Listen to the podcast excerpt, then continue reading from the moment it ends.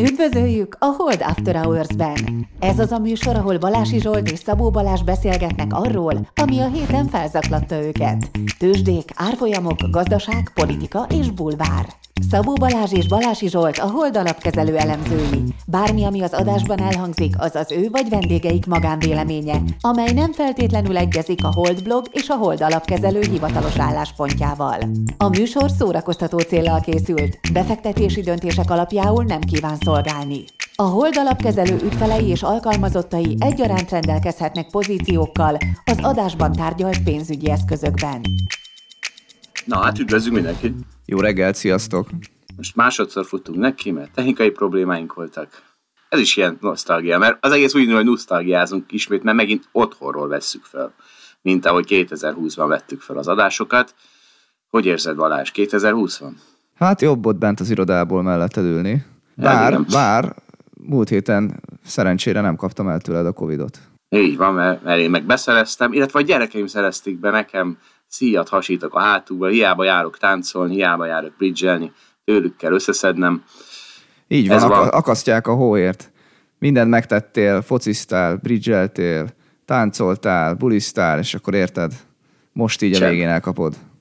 Így van, de hát most kapja mindenki, nem, nem gond ez. És egyébként nagyon vicces, mert ebből is 2020 van, hogy ugye már, már volt egy ilyen be, berögzült frontok voltak, hogy, hogy voltak a rettegők, akik kénytelen, kelletlen beletörődtek, hogy nem lőhetnek le senkit, aki az utcára megy masz nélkül, és voltak a nem rettegők, akik kénytelen, kelletlen beletörődtek, hogy van ez a vírus, ami, amitől egyesek annyira rettegnek, hogy jó megszivatnak időnként minket, és akkor ez így megvolt, és egyszer csak jött az Omikron, ami egy sokkal veszélytelenebb vírus, viszont sokkal jobban terjed, és felborult a status quo.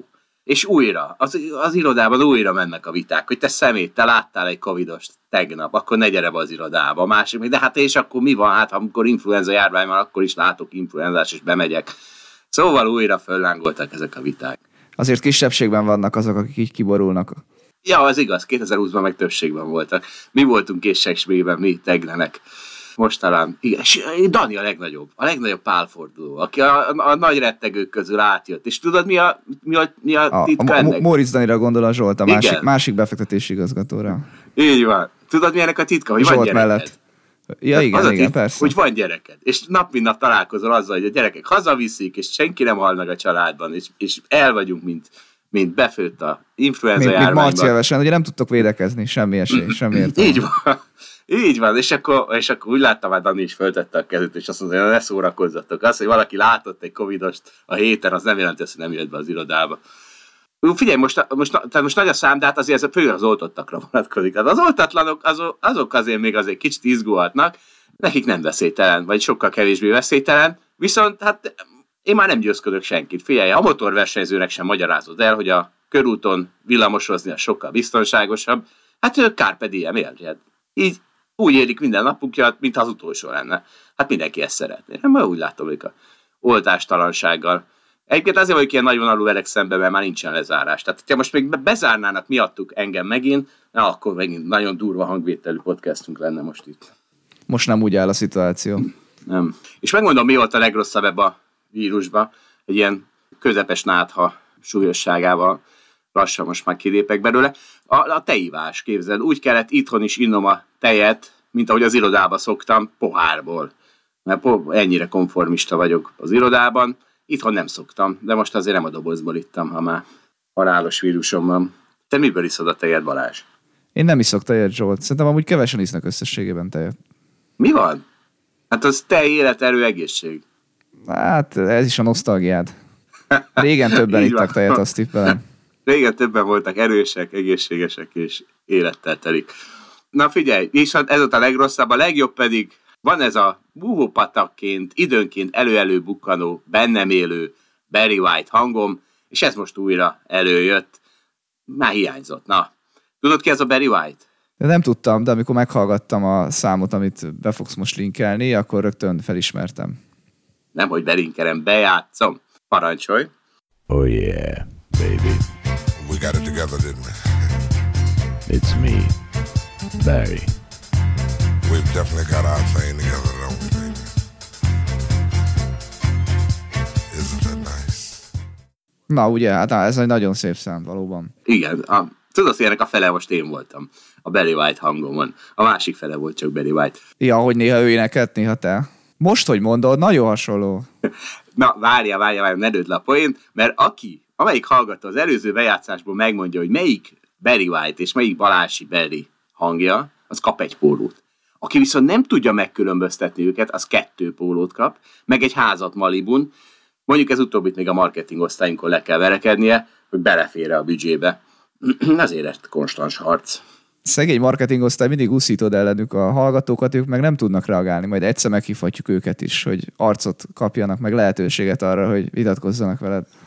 Így van, de hát tudod, politikából estem el, kell keresni egy olyan ellenségképet, aki senki nem lát, és uh, igazából és, és nem szegény... tud reagálni, és nem tud, használod a csatornákat, amin ők nem tudnak reagálni.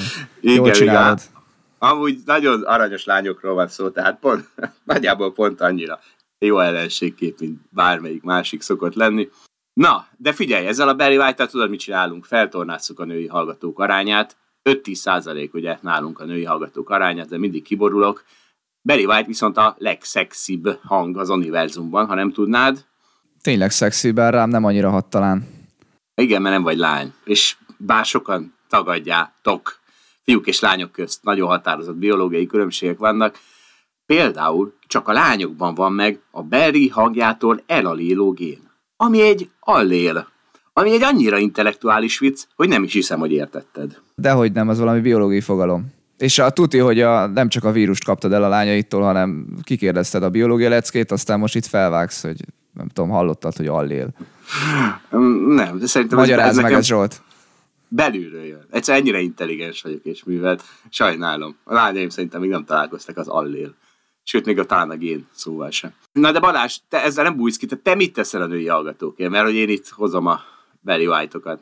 Hát próbálok mindig okosakat mondani itt a podcastban, próbálom karban tartani a testem itt a mikrofon mögött, bár sajnos azt a női hallgatók nem látják. Hozom, tudod, neked a Kínát, meg az ESG-t, amit nem szeretnél soha megbeszélni, mert hogy túl szakmai. Hát így, így nehezebb felvágnom a lányok előtt. Hát igen, arra nem jönnek, mint látjuk, mert hát ahogy mondtam, szóval 5-10 százalék, és hát ők inkább, én nem tudom, de most jó egy bunkor leszek, szóval ők inkább nőklapja podcastet hallgatnak, vagy egy empatikus podcastet, vagy egy szerelmes podcastet, és akkor mondhatod, hogy ez nem az ő hibájuk, nem, nem az ő hibájuk, hiszen nincs szabad akarat, na de követelhetik ki -e ezek után a CEO-ságot. Mert ugye már csak abból kiindulva, hogy nálunk a mit tudom, egyetemet, csupa egyetemet végzett hallgató van, a mi hallgatóink nyilván sokkal inkább CEO kvalitású emberekből áll, mint a mi podcastünk kívüli hallgatóság. Tehát nem, nyilván a korreláció sajnos nem kauzáció itt most, tehát nem a mi podcastünktől lesznek olyan okosak, hogy CEO-k lesznek, hanem azok a kvalitásaik, amik miatt CEO-k is lehetnek, azok teszik alkalmassá őket arra, hogy olyan podcastet hallgassanak, amire figyelni kell, meg amiben energiát kell rakni. És igen, egyébként, tehát így azok a nők, akik ezt hallgatják, ezt a podcastet, azok szintén sokkal inkább lehetnek majd CEO-k. Gratulálunk nekik, nem Balázs? Fú, figyelj, itt a monológod elejére hagy reagáljak. Egyrészt tényleg kicsit bunkó vagy, de ami nagyobb baj, hogy azt sem tudod, hogy mit hallgatnak, vagy figyelnek a fiatal lányok inkább akkor már, én azt gondolom. Tehát itt a nőklapjára hivatkozol, szerintem egy kicsit már tényleg egy ilyen, úgy látszik, egy ilyen nosztalikus adásról van szó. Ha már, ha már valami nagy nézettségű dolgot akarsz, akkor például tegnap pont láttam, hogy Kulcsár Edina szakítós videóját, nem tudom, egymillióan nézték meg. Úgyhogy ha azzal hasonlítsuk a podcastunkat, akkor, akkor ott van egy ilyen pár százszoros különbség. Úgyhogy, úgyhogy szerintem érdemes lenne képezned magad. Uh, igen, egy millió egyen, mert akkor te is megnézted. És egy millió egy, mert én is megnéztem persze, és egyébként meg nem csak lányok nézik meg, hanem ugyanannyian fiúk is. Úgyhogy ezt a szétválasztást sem fogadom el. Bár biológiai különbség valóban van lányok és fiúk között, Kulcsár Edina videóját szerintem fiúk és lányok egyaránt nézték. És azok még mind lehetnek CEO-k is szerintem. Nem, az biztos, hogy mind nem lesz hát, jó, tehát nem lesz egy millió. Rossz, nem rossz, rosszul fogalmaztam, valóban, egy millió, egy millió egy ember nem lesz jó, de a lehetőség megvan mindegyik számára, azt akartam mondani, vagy legalábbis úgy, olyan értelemben, hogy nem kulcsáredén a videójának megnézése tántorítja el ettől a lehetőségtől őket. Nem érted a statisztikát. Tehát, hogy a, azok közül, akik a kulcsáredén a videót nézték, meg sokkal kisebb arányban lesznek CEO-k, mint a, akik a Hold After House hallgatják. Ez az én üzenetem. Jó, jó, na akkor egyetértünk. Kulcsár Edina videója hozzám is eljutott valami headline-okban a különböző Na tessék, és nem, jól van, most nem néztem meg. Nem néztem meg. Tehát én vagyok itt a legnagyobb, a CEO, CEO orbiton én vagyok leginkább, mert hát eszembe jutott meg, megnézni, hogy egy nő, aki, hát nem is tudom, aki, aki, aki jól veri vissza a fényt, ugye Puzsé Robert szavaival, az miért énekelne nekem a szakításáról. Úgyhogy én nem néztem meg. És, és, és nagyon örültem, hogy nem. Tehát nem az van, hogy egy ilyen óriási űrre van bennem, hogy nem láttam, hanem örülök, hogy azt a öt percet nem pocsékoltam el az életemben. Jól van, jól tetted. Na, lassan kanyarodhatunk rá a szakmai témára, mert most már eleget kulcsá legyináztunk. Először, ezt valószínűleg nem hangsúlyoztuk eléggé, mm, reméljük nem okoztunk nagy kalamajkát, a Holdbeat alap az még nem vehető meg. Sőt, még el se indult, az, nagy kalamajkát okoz az én lelkemben, de még ha elindul, akkor is egy darabig még nem lesz kinyitva. Úgyhogy ez van. Nem baj, Zsolt, addig is üzenjük hallgatóknak, hogy az expedíciót, ami az én alapom, azt meg lehet venni. Jó, hát nem egy hold beat alap, de, de hát ha nincs ló, jó a szamár is, nem Balázs? De, de abszolút, viszont ha végre elindul az alapod, akkor ez a csata elindul. Kettő között. Jó, a ló, nem tudom, hogy a ló le kell-e csatázni a szamára, vagy meglátjuk. Ha már, ha már, ha már. Az alapjainkról fogunk tartani ilyen ismertető öt perceket mondjuk egy-egy ilyen adásban, hogy előveszünk egy alapot, és elmondjuk, hogy mitől jó, mitől rossz, mit, mi, mi, mi a sajátossága, mi a, nem, az ilyesmiket, és azt azért mondom be, mert hogy Balázs kénytelen legyen készülni, mert ez rá lett testálva ez a feladat, és nehogy, nehogy ellóghasson. Zsolt, ezt, ezzel éljöttem ezzel az ötlettel, úgyhogy nem rám lett testálva, de örülök persze mindig a nyomásnak, akkor persze hamarabb elkészül a munka. De te hoztad az elméletet, én pedig a megvalósíthatóságot biztosítom azzal, hogy most akkor mostantól kezdve te kapod a hallgatói leveleket, hogy mi van már az alapokkal. Rendben, rendben, ezt vállalom következő témát kénytelen leszek ez, így bevezetni, ezzel tartozom a hallgatóknak. Ha Holdbeat alap lenne, akkor már mindent a tetejétől sortolna. Sőt, és akkor megkérdezel Balázs, mert ugye hát te vagy itt a technológiai részvények emelkedési gyűlölő value befektetőt, azt te fogod most képviselni az adásunkban. Azt mondják, hogy mennyit nyertél, amióta ezek a izék eszement részvények zuhannak, mint a fene. Hát képzeld, nyertem, nyertem az expedíció lappal, de egyáltalán nem azon, hogy ezek zuhannak, hanem hogy közben a saját részvényeim meg inkább felfelé vették az irányt. Igen, elképesztő egyébként, ugye mindenki a világ összeszakadásáról beszél, mi meg azt látjuk, hogy a, az alapjaink emelkednek, vagyis a mi részvényeink emelkednek. Igen, Ugye bár egyébként elérte, tehát a, az amerikai esés már gyakorlatilag évele óta tart, de pénteken meg hétfőn a, azokban a részvényekben, amik az expedíció alapban vannak, azok is azért elkezdtek esni. Már nem bírták ezt az amerikai feszültséget ők sem. De az utóbbi napokban meg megint felfelé fordultak, úgyhogy úgy tűnik, hogy Amerikában nagy esés van, a mi részvényekben meg nem annyira. Aztán persze ez egy örök vita, hogy ez változik-e, túl tudják-e úgy élni mondjuk a közép-kelet-európai részvények azt az időszakot esés nélkül, amíg az amerikaiakban meg nagy pánik van. Igen, meg mondjuk azért most a borzasztó szakmaiatlan, nem tudom, néhány hetes időtávokról beszélünk, Öt év számít. De hát öt év számít, meg három év számít, persze, tehát, de attól még az érdekes lesz, hogyha mondjuk az S&P, nem tudom, mínusz 20%-ba zárna idén, akkor abból következik el, hogy egyébként a többi részvénypiac sem tud jól teljesíteni, mert az amerikaiak általában vonják ki a pénzt mindenhonnan, mert azt látják, hogy esik a részvénypiac, és akkor, és akkor egyébként Európa is esni fog. Vagy nem? Ez egy, ez egy érdekes vita, hát nekem biztosan nagyon fontos kérdés. Hát majd nekem is az lesz egyszer lesz a alapom. Viszont egy Egyébként eh, pont Danival ugye beszélgettünk erről, hogy azért simán. Tehát amikor Nasdaq Lucy kipukkant, akkor is a value részvények emelkedtek. Hát egyébként most akkor néhány hetes időtávon ezt elmondhatjuk. És ha már eh, kibontottuk azt a témát már a múlt héten, vagy két héten, nem is tudom mikor, hogy a growth befektetők utálják a value befektetőket, e vagy sem. Na most itt van Cathy Wood, aki fogta magát, és mivel hogy az árk esik, mint a fene, az, az alapjának a neve, az ARK Innovation ETF Portfolio Manager, vagy ARK Innovation Portfolio Manager. Igen, a, a hype részvények csimboraszója alap. Szóval zuhan, és szegény Keti kénytelen egy újabb recessziót, egy újabb koronavírus, vagy én nem tudom mit várni a világtól a következő hónapokban, ahhoz, hogy bemondhassa, hogy mit mondott be Balázs.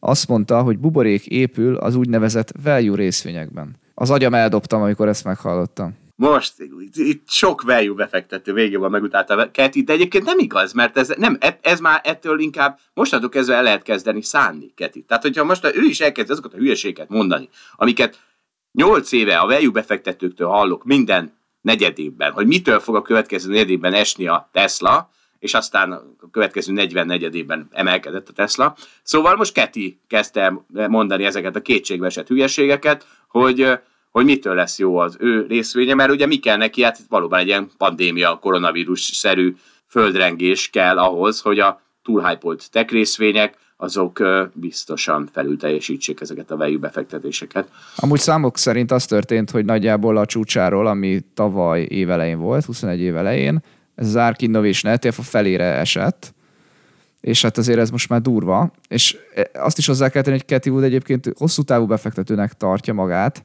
hiszen azt mondja, hogy olyan vállalatokba fektet, amelyeknek van nagyon erős jövője, exponenciálisan növekedhetnek majd ezek a cégek, úgyhogy jó lesz neki ebben hosszú távon is ücsörögni ezekben a pozíciókban. És még egy kis muníció száll csak ez a growth versus value ellentéthez, el is kezdtek születni azok az ábrák, ahol végre nem a ARK veri a nem tudom mit, hanem az történt, hogy egymásra rakták Warren Buffett alapját, a Berkshire Hathaway-t és az Arkot, és most 2020 elejétől, ugye amikor beindult a, a fene, az őrület, onnantól kezdve most összeért a két alap teljesítménye. Tehát mostantól kezdve, ha valaki az pandémia elején Warren Buffettet vásárolt, az pont ugyanúgy járt, mint ha Keti Woodot vásárolt volna, csak sokkal kisebb volatilitással. Ez jobb vagy rosszabb, Balázs? Azért azt hozzá kell tenni Keti Wood oldalán, hogy Keti Woodon lehetett háromszorozni, és ha valaki kiszállt jókor, vagy kétszerezni, vagy kétésrészerezni, meg, a, meg háromszorozni is, ha valaki ezek, ezekben a időpillanatokban kiszállt, és azért erre volt majdnem egy éve, legalábbis egy kétszerezőbe ültünk majdnem egy évig Cathy Wooddal, akkor azért az nagyobbat nyert, mint amit Warren Buffett lehetett. Hát az biztos, hogy most egyelő, és egyébként azt is hozzátenném, hogy és sajnos nagyon sokszor az van, hogy a retail befektetők inkább akkor szállnak be ezekbe, például az Ark Innovation ETF-be, amikor az már felment, hiszen akkor van egy bizonyosság arról, hogy hát ez nagyon jó, hát ez a múltba felment, akkor biztos a jövőben is fel fog menni. Na ez mondjuk nem jött be. Egyébként én is úgy tudom, láttam erre, vagy hallottam erről adatot, hogy itt a legtöbben már inkább bukóban vannak ezzel a zárkal, egyszerűen azért, mert a tetején, vagy inkább a tetején szálltak be, mint 2020 év elején. Igen, ez az a időzítés, amiről Hát most te beszéltél, és majd sokat fogunk még róla beszélni, mert, mert Howard Marks befektetői levelét fogjuk kielemezni a második részben. De visszatérve Keti Woodékra, meg a avokádókra, nem, figyelj, azért nem tudom elengedni. Tehát ugye folyamatosan rajta voltunk, vagy voltatok, nem tudom, hogy, hogy jó ezt ragozni, azon, hogy ezeket a tech részeket hogy meg lehet sortani, és aztán mégis le, ezek szerint lemaradtál róla. Ezt hogy éled meg? És, mi, és miért maradtál le róla? Én azt, hogy én lemaradtam róla, azt, hogy megértem, én nekem nem volt ennyire szívügyem egyrészt, másrészt meg van ez az alapmizéria, amitől például én egyedi részvény nem nagyon tudok magamnak szivatni, de na tessék, Balázs, tiéd a szó. Hát mentségemre szóljon, hogy egy fél százalék Teslám azért volt, bár nem sok, de ez is mutatja pont azt, hogy miért fél százalék Teslám volt. Azért, mert ott van a fejemben az, hogy amikor 500 volt a Tesla, akkor is duplázott, vagy amikor 1000 volt a Tesla, akkor, és akkor mondjuk megnyitottam kicsit fentebb a, ezt a pozíciót, akkor bennem van már, hogy ó, hát ez már olyan könnyen dupláz, nagyon kell vigyázni. Hát már az Apple-nél, meg a Tesla-nál is hittem azt, hogy nem fog még egyszer duplázni, aztán mégis duplázott. Tehát én biztos, hogy egy idő után megijedtem ezektől a pozícióktól. Egyébként már a tavalyi évben sem sortoltam felfele, inkább olyanokat csináltam, hogy megpróbáltam megtrédelni egy egyesést, de az meg nem olyan, hogy benne ülsz, és most is, hogy beletrédelek egyet, aztán lezárom, és nem vagyok benne teljesen az esésben. Hát ennek ugye nyilván az volt az előnye, hogy a emelkedésben se voltam benne, akkor megbuktam volna rajta. Tehát én biztos, hogy benne van az, hogy mire elkezd esni, addigra már annyira megijed mindenki, mert annyira sokat lehetett bukni a sorton, hogy már, hogy már nem sortolnak az emberek. Én is, én is ide tartozom, hogy, hogy biztos, hogy megijesztette ez a dolog. Biztos, hogy hat rám, még akkor is, hogyha ez nem racionális. Igen, hát egy sok olyan hibát vélek felfedezni, hogy algoritmus nem követne el. Hát reméljük, hogy a Holdbeat alap se fogja. De ezt nem értem, hogy miért ne követnél az algoritmus. Tehát, hogy algoritmus Ezeket a hibákat? Pont, hát mondok valamit, tehát az algoritmus is pont azt érezheti, hogy mondjuk megpróbálják megtanítani az algoritmust, hogy ez ilyen meg olyan esemény után mi történt, és hát legtöbbször azért azért, hogy az S&P-ben nem érte meg benne ülni a sortban, mondjuk az elmúlt tíz évben. Azért. Nem biztos, hogy az algoritmus azt tudta, hogy pont most van az a pillanat. És egyébként Azért meg Zsolt, hogy mondjam, hogy mondjam azt, hogy és most sem tudjuk, hogy ott van-e az a pillanat, es, van egy 10%-os esés, mondjuk tegnap a jegybank szigorú volt, és ez probléma, és valószínűleg ez nem alapozta meg azt, hogy most nagy emelkedés jön hirtelen, ez én meglátásom. De hát, de hát továbbra is nem tudjuk. Ha most újra felfele fordul, akkor majd megint mondhatjuk, hogy jó, hát ez S&P, hát ez mindig felfele. De Balázs, nagyon Azért ennek is van esélye. Nagyon egyszerű, mert a algoritmus nem fél. Nem, nem mondja azt, hogy ú, már mennyiszer megszívtam, ú, már mennyire izé, hanem mindig megnyitja, mindig megnyitja, mindig megnyitja, amikor úgy áll a dolog. És aztán a bíz, bízhatsz benne, hogy a kevés, sok kis bukóval kizárt pozíció, az kevesebbet bukik rajta, mint amikor végre sikerül megnyerni a nagy esést. Tehát, hogy egyszerűen azért az érzelmeket kizárta az algoritmus ezért. Ezért nem követi el ezt, azt a hibát, hogy már fél attól a részvénytől. Hát igen, de amit mondtál, az a lényeg, hogy, hogy az algoritmus előtte mennyit bukott volna. Ugyanúgy, mint egy ember. Hát de nem ugyanúgy, mert ő nem.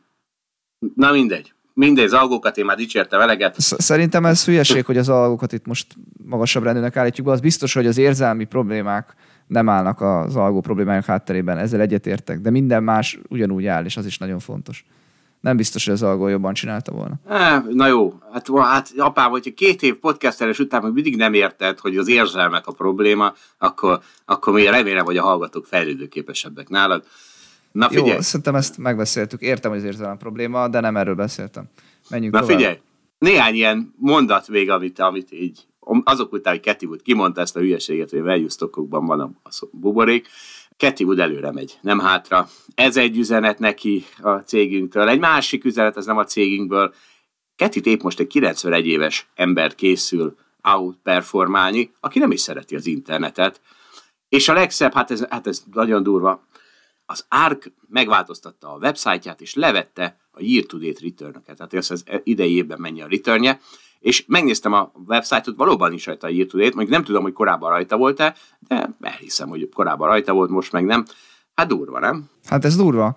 Van a Parames nevű value befektető, akit itt a cégnél többen követünk, és neki a honlapján mindig kín vannak a hozamok, a date, meg persze a három éves, öt éves, stb jó nagy betűkkel, és szegény value befektető, hát elképesztően sokat bukott az elmúlt években, és mégis mindig, mindig kimerte tenni, úgyhogy nem szimpatikus ez, hogy két Cathy Wood így lecserélte.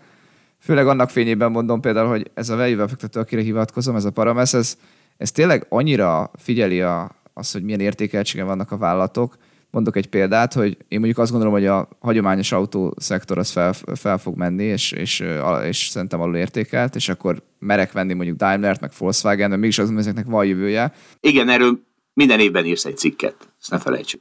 Minden évben írok egy cikket, majd tudod, de hát már megbeszéltük, ami majd egyszer bejön. Na de a Parames az mondjuk úgy csinálja, hogy, hogy ő azt mondja, hogy hát a Renault kell megvenni, mert az még alul értékebb. A Renault már én, én sem merem megvenni, mert az már tényleg, hogy inkább megveszem a Volkswagen 8-as péperen, nem tudom, a Renault 6-os péperen helyett, mert az úgy vagyok vele, hogy azért ez egy jobb cég, aminek van jövője, a Renault azért eltűnhet, meg ugye ott van a francia állam, stb. Nem tudom, mindegy. Tehát van, van, van, van olyan nagyon value befektető, aki vállalja a bukóit, akkor Keti Woodtól is elvárhatjuk ugyanezt. Úgy lenne igazságos. Nagyon, és még egy mondat az internetről.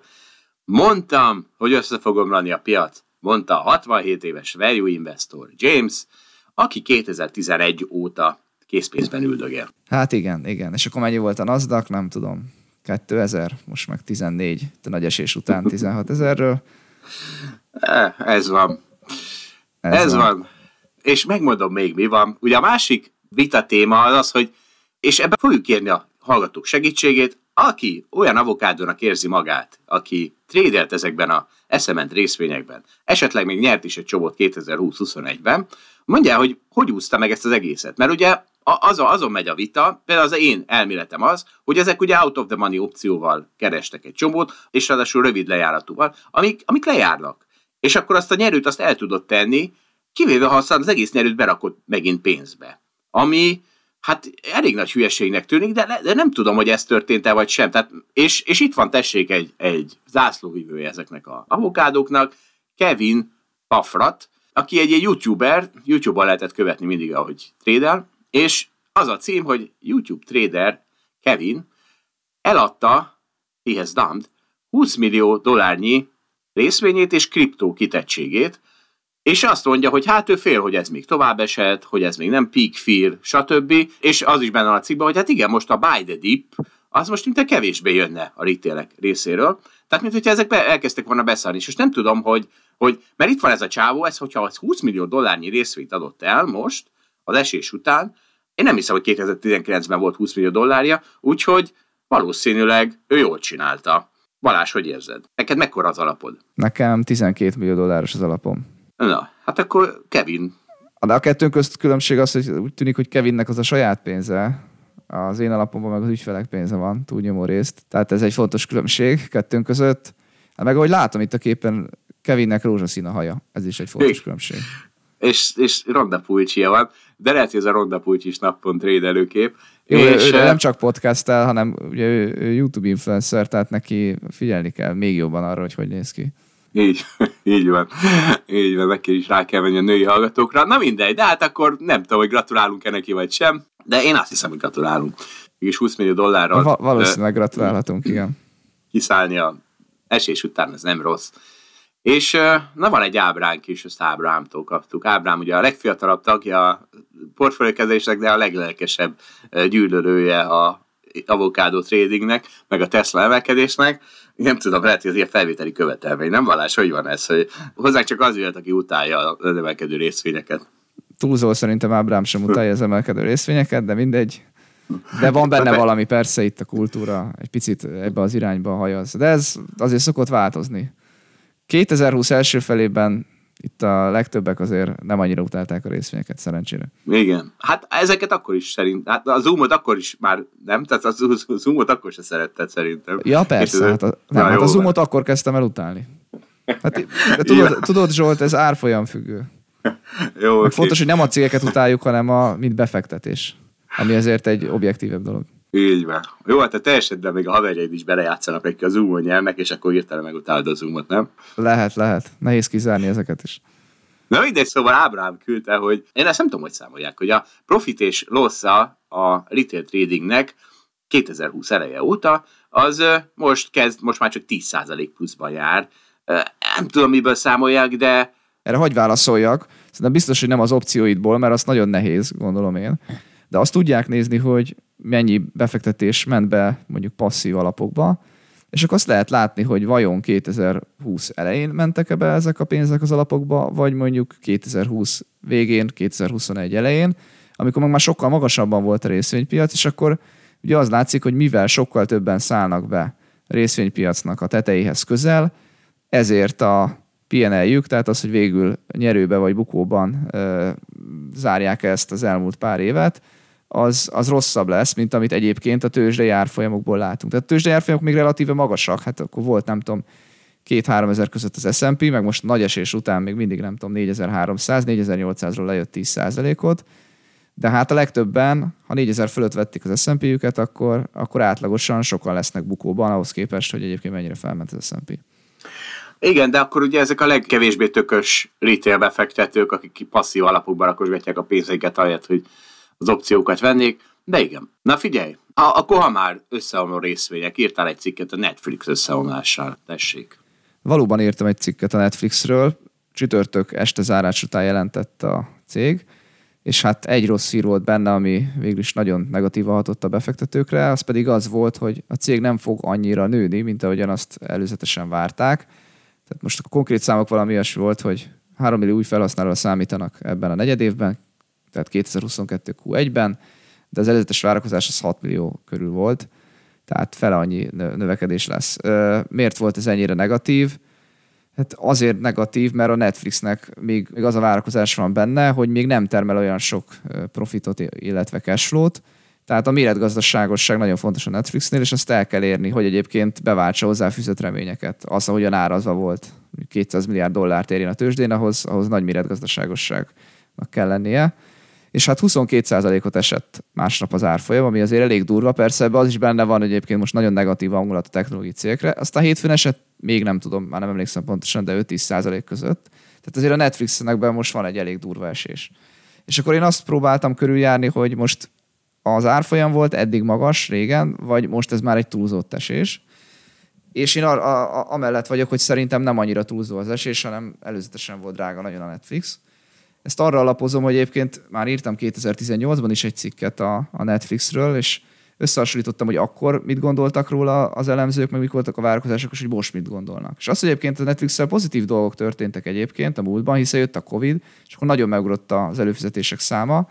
Most meg, hogy megy el a Covid, így meg térünk vissza arra a trendvonalra, ami igazából a Covid előtt volt.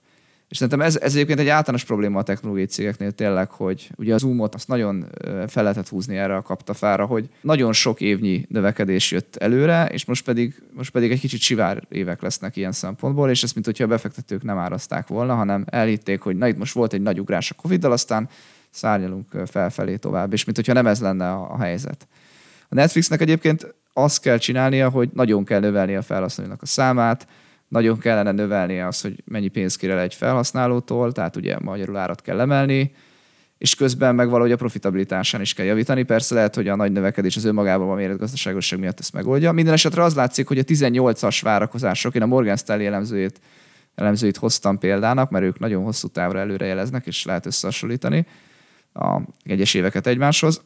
Ők azt látják, hogy egyébként ma már nem merik azt bevállalni, amit 18-ban mondtak 2028-ról, tehát csökkentették a 2028-ra vonatkozó várakozásaikat. Úgyhogy jó, jó évek történtek, és Na és akkor innen már látszik, hogy miért kell, vagy miért lehet esnie a Netflixnek. Megnéztem, ez a Netflix azért 2002 óta van a tőzsdén, fél dollár volt az alja, most fél dollárról ment föl, mit tudom én, 700 dollárig, és akkor most itt a, azt próbáljuk megfogni, vagyis hát, vagy te, vagy, vagy legalább cikkek szintjén, ahogy 700 dollárról visszaesett 350 dollárra, hát volt azért itt ebben egy emelkedő szakasz, Balázs. Azt, azt átaludtad, hogy mi van veled?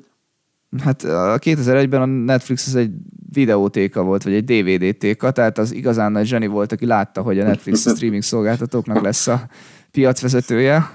A piac. A piac látta, láttad, ez, ez, ez, a, a, nem, a piac, a piac nem látta ezt 2001-ben, a piac az a 2010-es évek elején láthatta szerintem ezt igazából, ha valaki nagyon ügyes volt, és akkor is rengeteget lehetett nyerni. Tehát fia, Netflix nagyon-nagyon jó cég tényleg, de én csak azt mondom, hogy egy kicsit drága volt szerintem egy pár évig, és most szerintem visszajött abba a tartományba, ahol, ahol valójában lehet. Jó van. De a verseny biztos, hogy nem tesz jót neki. Tehát az, hogy van Disney Plus, hogy van Hulu, hogy van HBO Go, hogy van Apple TV, Amazon Prime, és hogy e- ezek is, ezek is tényleg beléptek a piacra, és ezt három éve írtam, hogy majd lesz nagy verseny, mert akkor ezek, ezek még éppen csak elindultak, vagy terveztek elindulni. Most meg tényleg itt vannak, és egyébként mi is Orsival például Amazonra előfizetők vagyunk, tehát ez egy Netflix versenytárs. Igaz, azt hozzá kell tennem, hogyha egyet választanunk kéne, akkor biztos, ez a Netflix lenne. Tehát, hogy csak egy lehetne, akkor ez a Netflix lenne. De mellette HBO Go meg Amazon Prime is van.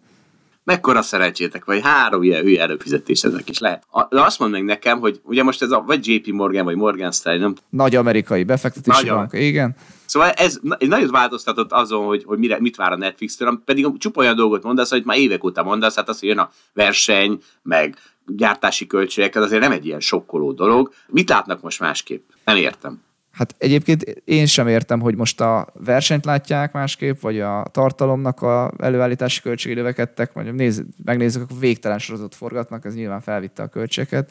A lényeg a lényeg, hogy abból következtetnek, amit a menedzsment mond, hogy a jövő évben, meg a következő negyed években milyen, milyen növekedésre utalgatnak, és akkor azt látják, hogy húha, hát már csak 3 millió lesz a következő negyed évben, hát akkor az, a, az az exponenciális növekedés, amit beraktunk, az, az gyanús, hogy ez nem úgy lesz, azt nem tudjuk így kiextrapolálni belőle.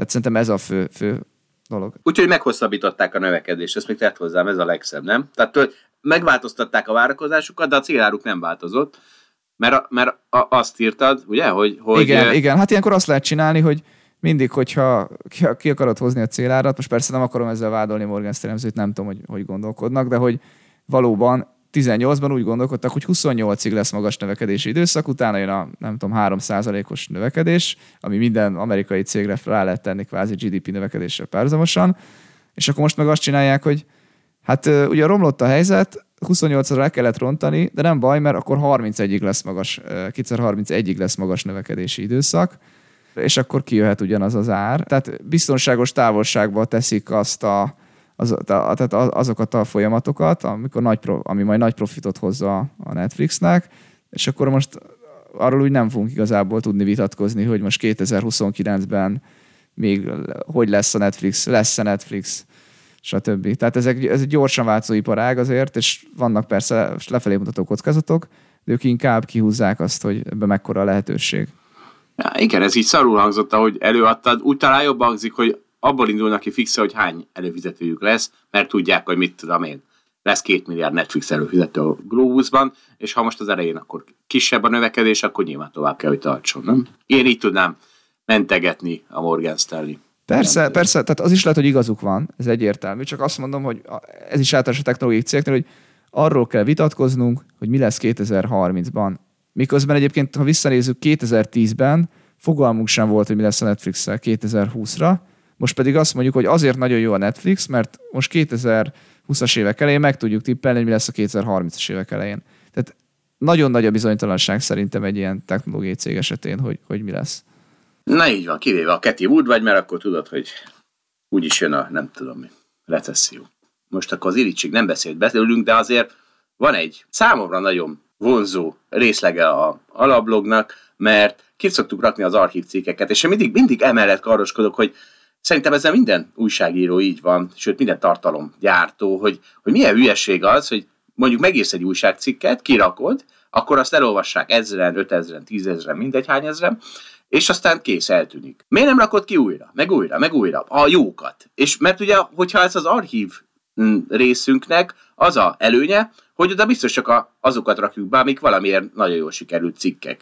Egy ilyen keretében, nem én, hanem a lányok, kirakták a, az Egyenlőtlenség egy oka az irítség című cikkemet, amit 2018-ban írtam annak az apropóján, hogy egy valamilyen nyugdíjas klubnak vagy szervezetnek a vezetője azt tudta mondani, hogy a nyugdíjasok elszegényednek Magyarországon azért, mert nem nő a GDP-vel a nyugdíj, hanem csak az inflációval.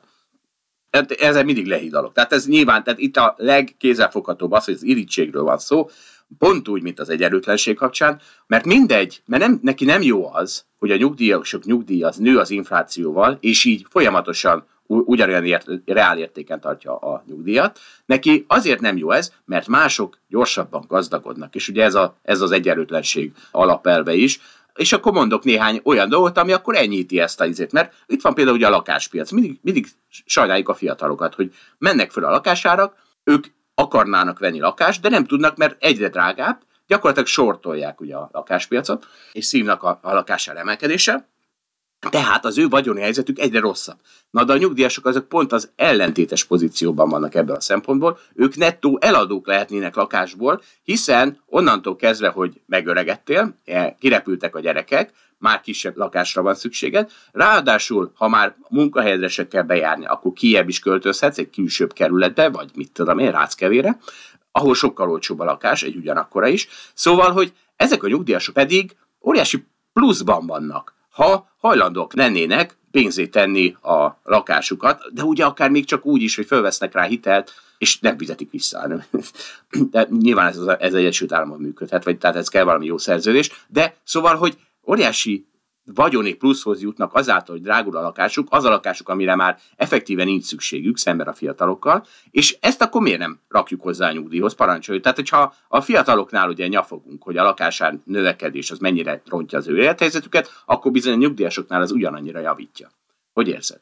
Hát két dolog. Egyrészt szerintem az, hogyha egy országnak nő a nominális GDP-je, akkor a nyugdíjasok szerintem joggal várhatják el azt is, hogy egyébként ne inflációval növekedjen mindig csak a nyugdíjuk. Tehát ez, mert hosszú távon ez azt okozná, hogy mellettük meggazdagszik a társadalom, ők meg maradnak ugyanazon a szinten, tehát hogyha ezt 1850-ben húztad volna meg ezt a vonalat, akkor nem lennének boldog azért a nyugdíjasok, mert hát végül is úgy élnek, mint 1850-ben, de soha nem éltek rosszabbul. Várjál, na ehhez hozzáteszem, tehát ez, ez nem jó hogy mert ugye a nyugdíjasok csak a aktív életkoruk befejezte után. Tehát nem az, hogy 1850 meghúzod a vonalat, mert akkor csak az 1850-ben nyugdíjban nyugdíjasokat érinti. A 2020-ban nyugdíjban menő nyugdíjast, azt csak a 2020 utáni vonal érdekli. Tehát nem, nem arról van szó, hogy egy 70 éves ember az már 70 éve szív, hanem egy 70 éves ember az csak 5 éve szív, hogyha 65 éve ment nyugdíjba. Tehát azért nem, nem ilyen drasztikusak ezek a különbségek, igen? Ja, jó. Nem tudtam, hogy mi volt a pontos ötleted, de így egy kicsit jobban hangzik valóban. Hát a másik meg, hogy igen, de hogy én nem úgy húznám meg azt az egészet, hogy a nyugdíjasoknak van a sok ingatlanjuk, mert a gazdag embereknek van sok ingatlanjuk, nem a nyugdíjasoknak van sok ingatlanjuk, ahogy te most ezt leírtad. És ez egy, ez egy fontos különbség szerintem.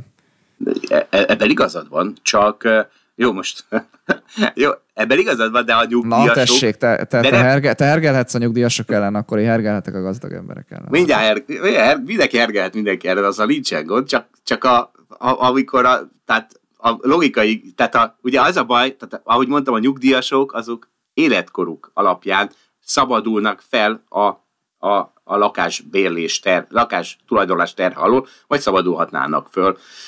Na, és egyébként a másik, ugye, ami, amit ilyenkor meg lehet jegyezni, hogy mindenki mindig az egyfőre jutó nyugdíjra nyilvánvalóan, hiszen az a nyugdíj, fókuszál, de és a társadalomnak nem erre kell figyelni, hanem arra kell figyelni, hogy mennyi a társadalomra eső nyugdíj, és azáltal, hogy a nyugdíjasok száma folyamatosan nő, az aktívak száma pedig csökken, ezáltal ez a teher, ez rettenetesen nő. Tehát, tehát lehet azért ágálni, hogy nekem az én nyugdíjam az ne csökkenjen, csak sajnos muszáj, mert ezért az aktív-passzív arány eltoródásáért. Tehát ez De látod, látod szerintem a társadalmak megtalálták az egyetlen választ erre a kérdésre, hogy emelik a nyugdíjkorhatárt. Persze ezt vitattad, hogy azt arról lehet vitatkozni, hogy ez egy kegyetlen dolog-e vagy nem, de, de hát ez történik. Mire egy nyugdíjból megyek, nem tudom, biztos, hogy 70 valahány lesz a nyugdíjkorhatár. Jó, de hát ez ugyanaz, mint hogy kevesebb nyugdíjat kapsz, hiszen akkor a, a Érted? Akkor öt éve kevesebb ideig kapod a nyugdíjat, tehát kevesebb nyugdíjat kapsz. És megint a, beleestünk az egyfőre első és a per év és a szumma nyugdíj különbségének a csapdájába. Érted, persze, ugye? persze. Igen. Na, nem csak, nem csak én ágálok ezzel ellen az egyenlőtlenség hiszti ellen, ami most itt a nyugdíjakban is tetten érhető volt. Az Economisten találtam egy rohadt jó cikket, arra, hogy hogy ez a Piketty lángoltatta föl ezt az egész egyenlőtlenség hisztit, csak abban rengeteg fals számmal, meg fals számítás, és amióta ő ezt kirakta, ez volt nem tudom, 5 éve, 10 éve talán, azóta többi tudós is elkezdett ebben a témában kutakodni, és sorra mond, mutatják meg, hogy hol fals az a narratíva, hogy mennyire csak a tőkés osztályhoz, meg a gazdagokhoz vándorol minden jövedelem, meg vagyon, meg stb. És akkor itt az ekonomizmból kigyűjtöttem néhány ilyen problémát, és az egyik, az persze azzal kezdi, ők is, amivel én is mindig mondom, hogy azért probléma az egyenlőtlenség valójában, mert a politika rátette a kezét, egy ilyen nagyon szavazógyűjtő narratívát tudtak belőle kreálni, és ezért csak a kisztit kreálják, árkotássák, stb. Tehát e- erről van szó, ezt az ekonomizban is gyakorlatilag nem ezekkel a szavakkal, de leírják. Két statisztikaiba, ami ugye az egyenlőtlenség számításnál nagyon gyakori, az egyik az, hogy az egy háztartásra eső jövedelem reálértékével szokta, szoktak aggódni, pláne az Egyesült Államokban, csak az egy háztartásból sokkal több lett mert kisebbek a háztartások, mert elválnak a családok, meg, meg kevesebb gyerek van, és ezért az egyfőre jutó jövedelem az viszont nő, miközben a háztartásra jutó az esetleg nem nő. A másik pedig az, hogy sokkal több a részvény a középosztálynál. Tehát innentől kezdve a középosztálynak nem csak a jövedelme számít, mint jövedelem, hanem ők is tőkés osztály lettek, és ezáltal hozzájuk is vándorol az a például részvénypiaci növekedés, ami korábban csak a felső 1%-hoz, vagy nem tudom hány százalékhoz ment. Ugye ehhez egy szám, 1960-ban a nyugdíjba menőknek csak a 4 százalékának volt részvénye, 2015-ben ez már 50 százalék.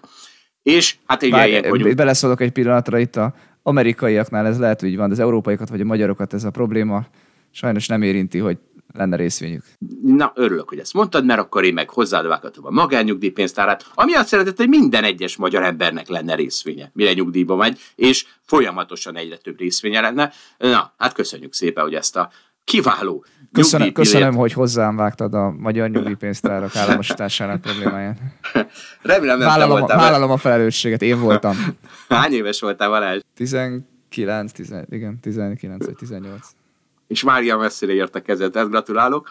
Na, akkor van ez a medián jövedelem nem nőtt. Ez volt ugye az alapvető gondolat például Pikettynél is, és azóta megjelent egy csomó kutatás, ami azt mutatja, hogy ez a jövedelem, ez 1980 és 14 között a mínusz 8%-tól a plusz 51%-ig skálán van valahol, attól függ, hogy a különböző kutatások milyen inflációt, milyen háztartásokat, stb. stb. Tehát ilyen csupa statisztikai különbség, de azért látszik, hogy ez nem úgy volt, Piketty kiszámolt, hogy mínusz 8% és akkor mínusz 8%, mert az valószínűleg az a, az egyik legkevésbé védhető, pont úgy, ahogy a plusz 51% is valószínűleg nem lesz túl jó, de hát valahol kettő közt lesz bőven a, a különbség, és egyébként ilyenkor mindig azt szoktam mondani, hogy ez hülyeség, azt kell megnézni, hogy az embereknél milyen okos telefonjaik vannak, milyen tévéik vannak, milyen autóik vannak, mennyivel biztonságosabb minden, mennyivel tovább élnek, és akkor ki fog derülni, hogy ja, hát valójában egyre jobb az az élet, és mm, okoskodhatunk itt a számokkal, hogy a reál jövedelem nem nő, nem tudom mióta, vagy nő, vagy nem nő, valójában mindenkinek az élete folyamatosan javul ezek miatt. Ezzel egyetértek. Nagyon. De ezt hát, én remélem, hogy azért ezt az emberek tudják is. Ettől még mondhatják azt, hogy nagyobb elosztás kéne, tudod, ettől ez még jogos felvetni. Igen, csak amikor ezt felvetik, akkor nem azt mondják, hogy kéne egy kis nagyobb elosztás, hanem mert nem nőtt a rájövedelme. Mert nő az egyenlőtlenség, és ezek hamis érvek, ezek politikai érvek. Nem ezért. kell. Azért nincs semmi baj azzal, hogy Elon Musk milyen drága, vagy milyen gazdag, hogyha mindenki más is egyre gazdagabb.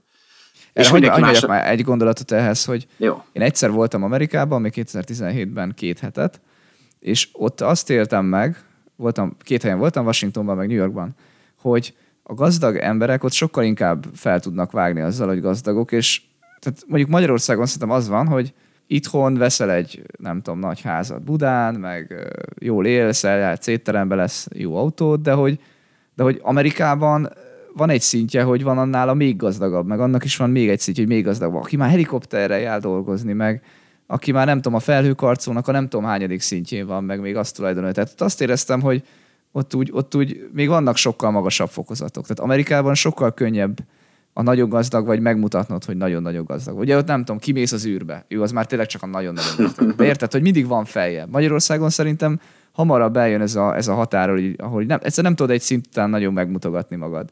Vagy én nem vagyok elég kreatív. Vagy lehet, hogy a hallgatók megírják. És, és tényleg Amerika, Amerika meg, meg nagyon más ilyen szempontból. Tehát ott sokkal látványosabb ez a, ez a gazdagság. Úgyhogy ez nagy különbség szerintem. Ez az én szubjektív meglátásom. Akkor azt kérjük a hallgatóktól, hogy küldjék el, hogy mennyit nyertek azokon az opciókon, amiket lezártak, és kimentek-e belőle az űrbe. Aztán, na és itt, itt ezt kivastagoztattam, hogy ez nagyon fontos mondat. Az a Piketty számításában is egy óriási hiba volt, hogy a, ugye az, az a problémája, hogy a munka bér felé áramló vagyon aránya az nagyon lecsökkent az elmúlt x évtizedben, csak hogy ez azért van, mert a ingatlanárak fölmentek. És innentől kezdve azok, akiknek sok ingatlanjuk volt, azoknak a vagyona nagyon megnőtt, tehát a, úgy tűnik, mint a hozzájuk áramolna a vagyon, de valójában ez az ingatlanár növekedés. És ha ezt kiveszed, akkor ki fog derülni, hogy hoppá, a munkabér felé áramló jövedelem aránya mégsem csökkent a GDP-ben. Szóval annyira elképesztő hibák vannak, amik, amik tényleg azt kell, hogy valaki ezt leírja, és akkor elkezdenek sokan gondolkodni rajta, és akkor szépen előjönnek, hogy mi, mi, mitől hülyeség az, amit Piketty mond. Abban mondjuk az Economist is megegyezik, hogy Amerika az azért kivétel, vagy az Egyesült Államok, mert ott azért tényleg elszállt ez a kapitalizmus, meg ott mert míg Európában nincs probléma ebből az egyenlőtlenségből, említett okok miatt, az Egyesült Államokban azért még lehet, csak hogy ez nem a kapitalizmus egy fundamentális hibája, ugye én is ezt szoktam mondani, hanem például az állami, amelyik a, azt a regulációt, amit van, ahol ö, szükséges lenne, azt nem hajlandó. Például azért, mert zsebre teszik őt a, a lobbik, például azért, mert nem tudom, mert bénáznak, Hát egyébként mondjuk erre példát, tehát hogy a légitársaság piac nagyon konszolidálódott, Amerikán sokkal drágább utazni, mint Európán belül. Ott nincsenek ilyen olcsó jegyek, mint ahogy a Vizernél vagy a Ryanairnél mondjuk Európában. Aztán ugye szerintem elég, elég legerősebb példa talán a, a gyógyszerárak vagy egészségbiztosítóknak a, a piaca. Tehát az, hogy egy amerikainak az, az mennyivel drágább. Persze ez nem csak a konszolidációból fakad, hanem abból, hogy ott nem állami egészségügy van, meg állami biztosító de tényleg az van, az amerikaiak valahogy mindig azt választják, hogy, hogy a kapitalizmust választják a, a, az elosztással szemben. Mondjuk itt a gyógyszereknél egy példát mondjak. Ugye az amerikaiaknál nagyon drágák a gyógyszerek, és emiatt sokkal több ott az innováció, meg sokkal inkább megéri a világban kifejleszteni egy gyógyszert. Úgy általában, ha aztán ott van a lehetőség között, hogy Amerikában eladhatod, mert ott nagyon-nagyon sokat fogsz keresni azon, hogy eladod a, a gyógyszeredet de hát cserébe viszont így az átlagember az sokkal kevésbé tudja megfizetni azt a, azt a gyógyszert, ami, mert ugye Amerikában drága, mint mondjuk máshol, mint mondjuk Európában. Tehát itt van egy átváltás. Szegényebb emberek kevésbé érik el a gyógyszerek széles körét, cserébe több pénzt kapnak a gyógyszercégek, több pénz megy fejlesztésre, és akkor több gyógyszert fognak feltalálni. Tehát itt van egy átváltás. Az amerikaiak egyértelműen a skála egyik végén vannak, európaiak ugye talán a másik végén. Hát így, így magyarként egyébként jó nekünk, hogy az amerikai fogyasztók fizetik a drága gyógyszerárakat, mert akkor így több gyógyszert fognak feltalálni a világba, aztán azt előbb-utóbb eljut ide is, Magyarországra is. Igen, de most te is meghúzod azt a, azt a hibát, amit gyűlölök, hogy felosztod, felosztod a világot országokra. Hát most nem tök mindegy, tehát hogy érted, Zsolt, hát nem, itt, itt fel kell osztani országokat. Dehogy kell felosztani. Hát dehogy nem. Miért, miért ne kéne felosztani? Hát egyik országban drága a gyógyszer, másikban meg olcsó. Igen, az Egyesült Államokban. Borzasztó gazdagok az emberek, meg, meg sokkal inkább megengedhetik maguknak a drága gyógyszert, és ettől az, a szegényebb országokban lesz gyógyszer. Tehát ez, dehogy ez, is, ez, dehogy is. Hát, hát 30-40 ezer dolláros fizetés mellett relatíve uh, hiába uh, van az, hogy ez egy magasabb szám, mint a magyar átlagfizetés sokkal, nem tudják úgy megengedni maguknak a gyógyszereket, Persze. a magyarok. Nem mindenki, ez nyilvánvaló. De nem mindenki, jó, nem az átlagemberre gondolok, Zsolt. Vagy a mediára jó. gondolok, az, az nagyon fontos. Jó, azért abban megegyezhetünk, hogy az Egyesült Államokban sokkal szerencsésebb élni, mint közel Nyugat-Európa néhány országát kivéve az egész világban. Ugye? Tehát akkor... Gyógyszerek szempontjából nem. Igen, hát, általában érte, igen, hát... ebben a tekintetben nem. Ezért hoztam hát, ezt a példát. Legyen már való szívás is. Egyébként nagyon vicces ez, mert mondtad, hogy, hogy, hogy mert, mert mi történt 2020-ban? Operation Warp Speed történt, megnéztem, hogy mi a neve. Ez ugye Trump programja volt arra, hogy a gyógyszergyártóknak iszonyat mennyiségű pénzt kiszórtak, hogy minél előbb meg, teremtsék meg annak a feltételét, hogy legyen vakcina, és legyen kellő mértékben disztribútálva. Hozzájuk vágtak egy csomó pénzt pluszban. Tehát érted, neked az a bajod, hogy nem vesznek erre elég pénzt, nem adóztatják meg, nem szorítják le a versenyt a gyógyszerárakban, de mégis aztán 2020-ban hozzájuk vágtak egy csomó pénzt, még ehhez fő. És akkor mondtad, hogy az egy, az egy rendkívüli eset, mert az egy izé volt. Az egy, hát igen, Covid, de... az, egy, az egy rendkívüli eset. Csak? Mondom is. I- igen, csak ugye azzal, hogy folyamatosan ott sok pénz van a gyógyszerkutatásban, ezért van egy konstans gyógyszerkutatást, amitől, amitől aztán azért vegyük észre, hogy a, az a vakcina, az nem akkor lett kitalálva, hanem ugye azt, ahogy ez Karikó Katalin is mindig mondja, hogy ezt ők már 7 éve kutatták, vagy 10 éve kutatták, és azt azért kutathatták, mert rengeteg pénzük van a gyógyszergyártóknak, és aztán, amikor megjött a koronavírus, akkor aztán egy hónap vagy egy hét alatt készen állt, meg volt a kész vakcina, csak aztán még tesztelgették. Szóval, hogy megvan ennek az előnye, de, de is ezt mondhatni, megvan ennek az előnye. Na és akkor visszatérve a Megvan, hát kis magyar emberként főleg megvan az előnye, úgyhogy köszönjük meg ezt az amerikaiaknak tényleg. Nagyon szívesen. Most átvállalom a amerikai. Most te vagy az amerikai. Jó, én, én vagyok a kis magyar. Nagyon szívesen, öcsi. Egyébként még, még, még mielőtt tovább megyünk az amerikai gyógyszerről, azért azt hagyd tegyem hozzá, hogy ott van is amiatt elégedetlenség, és felmérések azt mutatják, hogy a demokraták meg a republikánus szavazók között is többségben vannak azok, akik alacsonyabb gyógyszerárakat szeretnek, és ugye itt az merül fel, hogy importáljanak Kanadából vagy Európából, ahol szintén nagyon jók a gyógyszerfelügyeletek, és ott is jól ellenőrzik a gyógyszereket, hogy biztonságos-e. És hogyha onnan lehetne importálni ö, egyszerűbben Amerikába, akkor lenyomhatná a gyógyszerárakat. És akkor nem lenne és akkor, kis magyar, és akkor kis magyarként majd nem köszönjük meg a amerikai fogyasztóknak, hogy finanszírozzák a drága gyógyszereket. Úgyhogy fiam, figyelj oda, hogy mit kívánsz. Így van, így van. Figyelj, Na, most már tovább mehetünk. Na, akkor megmondom, hogy Economist is szállította a megoldást az egyenlőtlenségre. A. Lakásépítés. Ugye, mert mi a baj, hogy a fiatalok nem tudnak beköltözni a városban, mert nagyon fölmentek a lakások. Erre az államnak az a dolga, hogy eszement sok lakást kell építeni. Nem támogatni a lakásvételt, vagy Magyarországon, hanem építeni, építeni, építeni, és akár szociális lakásokat is. Kettő, antitrust. Tehát, hogy fölpörgetni azt, ami az Egyesült Államokban elaludt, hogy ne ezek a monopóliumok ne uralhassák le a, a piacot, és három, az engedélyek. Hát ez, ugye erről már volt szó itt is, hogy az engedély nélküli gazdaság az mekkora előny, és az ekonomizban is azt mondják, hogy az, hogy az engedélyek, azok például ilyenek, mint doktorok, ügyvédek esetén, tehát a nagyon magas jövedelmű munkahelyek esetén, az engedélyek azok rettenetes pénzt generálnak ezeknek a rétegeknek meg a bankárok is köztük vannak képzelt. Teljesen szükségtelen reguláció, és így aztán megakadályozza, ez aztán megakadályozza a versenyt, megakadályozza a high skilled immigration, tehát hogy, a, tehát, hogy, mit tudom én, hogy én ne Budapesten legyek hedge fund manager, hanem New Yorkban, és ezek, ezeken kéne szerinte lazítani, és akkor előrébb jutnánk. Na figyelj, most akkor hívjuk be szerintem Muhi Gergőt. Hívjuk be Gergőt. Na, akkor üdvözöljük körünkben Muhi Gergőt. Hello! Szia Gergő! Sziasztok! Gergő is elemző is a portfóliókezelésen. Mondjál néhány szót. Gergő, hogy kerültél ide? Miért vagy itt? Mit csinálsz? Van-e akkor hozam, hogy mint nekem? Ilyeneket. Ó, figyelj, szerintem nekem nagyobb hozom van, neked. Nyilván mindenkinek nagyobban. A fejben nagy vannak. Abszolút, ott mindenkinek nagy hozamai vannak. A céghez meg úgy kerültem, hogy egyetemi kapcsolaton keresztül megkeresett egy volt évfolyamtársam, hogy lenne egy érdekes lehetőség, és a privát bankárokhoz kerültem asszisztensként, és onnan különböző úton, módon átkerültem az elemzőköz, és nagyjából nekem ez volt a egyetemi területem, ezért ott is ragadtam, és nagyjából most már így nyolc éve az elemzők csapatát erősítem. És Gergő, te milyen iparágakat elemzel itt a csapatban? Ó, rengeteg félét. Szerintem nekem az egyik legdiverzebb portfólióm itt az elemzők között. Alapvetően mindenféle ipari cégekkel szoktam foglalkozni, de ezen kívül nagyon sok cégem van a nyersanyagok és komoditik témakörében, vannak retailer cégeim, úgyhogy ha valaki rámutató, hogy nincs egy ilyen szigorú fókusz, akkor azt szerintem rámutató leginkább. Akkor ebben hasonlítunk, mi vagyunk ketten Abszolút. ilyenek. Így van, így van. Na és figyelj, ipari cégeknél egy unalmasabb szó van, a konglomerátum. Írtál egy cikket a konglomerátumokról, amik vicces, mert a cikkedet úgy kezdett, hogy elmagyarázod, hogy mi a konglomerátum, és abból idézek két mondatot. Konglomerátumnak nevezzük, manapság némi negatív felhanggal társulva azokat a hatalmas nemzetközi cégeket, amelyek nem egyetlen iparágban működnek, helyette sok leányvállalaton keresztül érdekeltek a gazdaság különböző területein. Nekem az ütötte meg a nem is tudom, hogy mert a fülemet, de, de olvastam, úgyhogy a szememet, hogy, hogy negatív felhanggal társul. Mi, mi az a negatív felhang? Alapvetően ez a negatív felhang az egy dolgot jelent. Ma, ha azt mondjuk, hogy konglomerátum, mindenki az, ez egy teljesen hatékonytalan vállalatszervezési módszer. Ennek elég sok oka van, alapvetően az emberi hülyeségben gyökerezik mind, amit te nagyon szeretsz felszínre hozni és megbeszélni.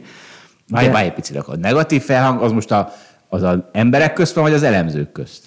Mind a kettő. Alapvetően az elemzők is emberek, és alapvetően ne. az elemzőket is olyan. Először... az emberek nem arra gondolnak, hogy hát az egy hatékonytalan cég, tehát negatív felhangja van. Azért az, az úgy általában szóval az emberek azt gondolják, hogy nagy. Nagy, és könnyű és rosszul szennyed. csinálni, és ezért könnyű nem hatékonyan csinálni. Tehát ez a gond a konglomerátumokkal, hogy vannak rá jó példák is. Nézzétek meg a Berkshire Hathaway, az egyik legjobb cég a világon, a legjobb CEO-ja. Warren Buffett cégére van szó. Igen, igen, pontosan, aki esetleg nem tudta volna. És a mai napig egy teljesen virágzó, működő és egy fantasztikus cég, ami egy konglomerátum. Ne hallgassuk el. De igazából ezt leszámítva nem nagyon lehet olyan konglomerátumot mondani a világtörténelemben, akik hatalmas sikert tudottak volna be. Van még egy pár hírmondójuk a mai napig, de igazából a legtöbb konglomerátum megbukott. Azért, mert a legtöbb vezetője nem volt képes átlátni az ehhez szükséges szükségleteket. Hát igen, ugye itt a cikkedben is, vagy Warren Buffett szerint is ez az oka, a fő oka a rossz hírnevüknek, de szerintem ő is az elemzőkre gondol, hogy a legtöbb hatalmas mamut egyszerűen túl sok pénzt fizetett a terjeszkedése során közepes, vagy éppen nem túl jó üzletágakért. Igen, erről Cser Tamással is beszéltünk egy, egy korábbi adásban, és ugye a te izéd, amin keresztül te bemutattad a konglomerátumokat, az a GE volt. Így van. Na most azt tudni kell, hogy a, a konglomerátumoknak volt egy aranykora. Ez volt a 60-as évek, akkor nagyjából minden cég konglomerátum akart lenni. Miért volt ez? Mert akkor szexik voltak, akkor még nem tartották őket egy ilyen katasztrofális módszernek, és ezért jó magas árat fizettek értük. Mit csináltak ezzel a rengeteg pénzzel? Még több céget vettek. És az, ez volt az igazából az legnagyobb probléma, hogy olyan cégeket vettek meg, amiket nem kellett volna, és olyan áron vették meg, ahol nem kellett volna megvenniük. Ebből igazából... De miért? Miért vették meg akkor?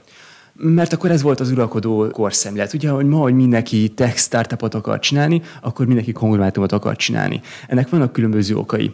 Azt tudni kell, hogy a 60-as években azért a corporate finance nem volt annyira könnyű, mint ma. Nem volt internet, nem volt annyira bőséges információkénet, ezért egy kis vállalat nehezen jutott hitelekhez, ezért sokkal egyszerűbb volt egy nagy vállalatnak a tagjának lenni, és akkor ott könnyebben tudtál hitelt felvenni. Ez volt a kisvállalatnak a szempontja. Értem, értem várj, most ezt megértettem. Tehát a kisvállalat akart bemenni a konglomerátumba? Tehát volt is, egy ilyen... de a nagyok is akartak kicsiket venni. A nagyok meg azért akartak mindenféle vállalatokat felvásárolni, mert hogy ez nekik hatalmas ö, leverage adott. Miért volt ez? Azért, mert akkor a konglomerátumokat hatalmas pi szorzón értékelték. A PI szorzó az ugye azt mutatja meg, hogy egy vállalatot az earnings tehát az eredményéhez képest mekkora szorzószámmal értékelnek a tőzsdéken. Minél nagyobb ez a szám, annál több lehetőség van egy cégnek a saját részvényével fizetni egy másik vállalatért. Ha neked van egy részvényed, amit nagy PI szorzón értékel a cég, és te ezzel a részvényel fizetsz, akkor igazából te viszonylag olcsón tudsz egy másik céget megvenni. Ergo, ha te megveszel egy másik céget, az bekerül a te ernyőd alá, és igazából hirtelen rakás értéket teremtettél, mert egy kis pi értékeltségű cégből beosztod a nagy pi értékeltségű céged alá a earnings power-t, a cash flow-t, és ezáltal a részesének teremtett értéket. Gondolták ezt. Ez egyszerűen nem egy egyértelmű, és általában nem is működött így hosszú távon, de rövid távon az emberek azt gondolták, hogy ez így működik, így is működött. És aztán ennek később lettek elég káros következményei. És gondolom itt a káros következmények alatt szimplán arra gondolsz, hogy egy menedzsment egyszerűen nem érhet ennyi iparákhoz, és amikor több üzletágban működnek több iparágban, akkor egyszerűen nem tudnak olyan jó döntéseket hozni, mintha egy valamihez értenek. Pontosan. Ugye Warren Buffett is ezt mondja, hogy igazából egy CEO-nak három nagyon fontos szempontja van, hogy három nagyon fontos döntést kell meghoznia, hogy alakítja a költségstruktúrát, mennyit költ a bizniszre, mennyit időt tölt a cég reklámozásával, mint befektető kapcsolattartó, és hogy allokálja a tőkét. És igazából ezt tökéletes Balázs, hogy ezek a CEO-k nem voltak felkészülve arra, hogy a leges-leges legkülönbözőbb lépőbb iparágokban hogy alakják a tőkét, mikor kell egy üzletet fejleszteni, és mikor kell üzletet visszafejleszteni, mert ez is egy nagyon fontos szempontja az üzletvezetésnek. Hogy ez volt még egy ok arra, hogy miért lettek konglomerátumok, mert ugye a döntéshozó, a vezetők, ez a, ugye ez a birodalomépítés. Ez birodalomépítés, hogy a fizetésük van. is ettől nőtt így meg. van. Meg, meg ugye a megbízó ügynök probléma, amiről szintén beszéltünk Cser Tamással, de igen, tehát ezek mind a mögött állnak, hogy egy, egy CEO alapvetően miért szeretné növelni a saját vállalatának a méretét. Ja, és még egy,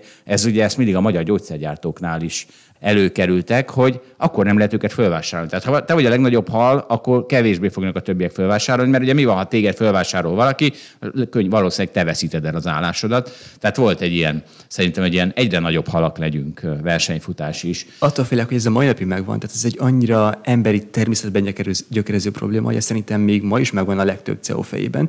És igazából ezt azzal egészíteném ki, hogy a 60-as évek annyi volt egy másabb korszak, hogy akkor volt még egy szabályozás, a Seller Kefauver törvény, ami megáltolta azt, hogy ezek a birodalomépítő szándékok értelmes módon jönnek létre. Miért volt ez? Mert ahogy te mondod, a legtöbb CEO szeretné növelni a birodalmát. Ez egy alapvetően szexi dolog. És ma meg tudják azt tenni a CEO-k, hogy megvásárolják a beszállítóikat, megvásárolják a versenytársaikat. Ez nem csökkenti a versenyt, tehát ilyen szempontból rossz, de mégis valamennyire mondhatod, hogy értéket teremt legalább a vers, uh, shareholdereknek. De a 60-as években erre nem volt lehetőség. A törvény kimondta, hogy se a beszállítódat, se a versenytársadat nem veheted meg, ergo ha birodalmat akartál növelni, akkor azt csak egy teljesen másik iparágban tehetted meg. Mindjárt néhány magyar példát is mondunk, de a G-in keresztül mutasd már be. Mert ugye azt mond, arról volt szó, és a cikked arról szól, hogy a G maradt az utolsó konglomerátum. Az egyik utolsó konglomerátum, de igen. És ennek a folyamat az nagyjából úgy zajlott, hogy annak még Thomas Edison alapította a céget, izzók, elektromosság, stb majd szép lassan a 20. században eljutottak arra, hogy igazából egy nagy fő termékük volt a gázturbinák. Ezt két helyre tök el tudták adni a különböző ö, áramszolgáltatóknak. Ugye a legtöbb hőerőmű úgy működik, hogy valamilyen úton, módon, vagy gőzfejlesztéssel, vagy ilyen módon egy turbinát hajtanak meg. Ez egy nagyon bonyolult dolog, ehhez kell egy rakásmérnöki tudás valamint a repülőgépek szintén hasonló működnek, jet fuel, tehát kerozin leégétésével szintén turbinát hajtanak meg. Ez a kettő valamennyire rokon iparág, és a G által felhatalmazott tudást tök jól lehet ezekben az iparágokban alkalmazni, és még egész jól ki is, ki is egészítették egymást. A gond az volt, hogy jött egy legendásnak nevezett CEO, Jack Welch, aki szintén a birodalomépítés lázában éget, és elkezdett mindenféle, tényleg mindenféle üzletágokat összevásárolni. Azt hiszem egy időben volt TV csatornájuk az NBC-ben, volt mindenféle egészségügyi befektetésük, egészségügyi képalkotó rendszerük, gyártottak mozdonyokat, gyártottak szierőműveket, tehát amit el tudsz képzelni, abban a G benne volt. Voltak bankjaik, tehát tényleg egy, egy klasszikus kongrelátum volt, mindennel foglalkoztak, amit el tudsz képzelni.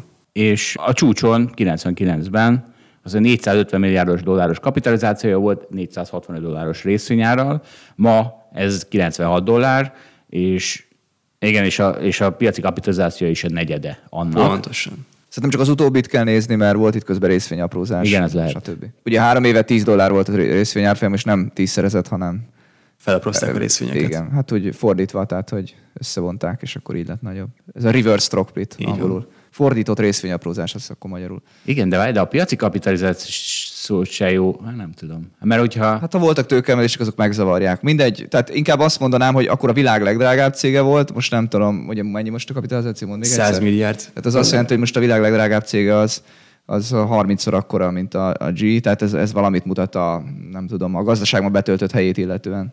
Hogy fájhat az embereknek, nem? Hogy egy ilyen hülyeség, oko, hülyeség okos telefont, vagy hülyeség iTunes gyártó cég 30-szor akkora, mint a rendes turbinákat gyártó GE.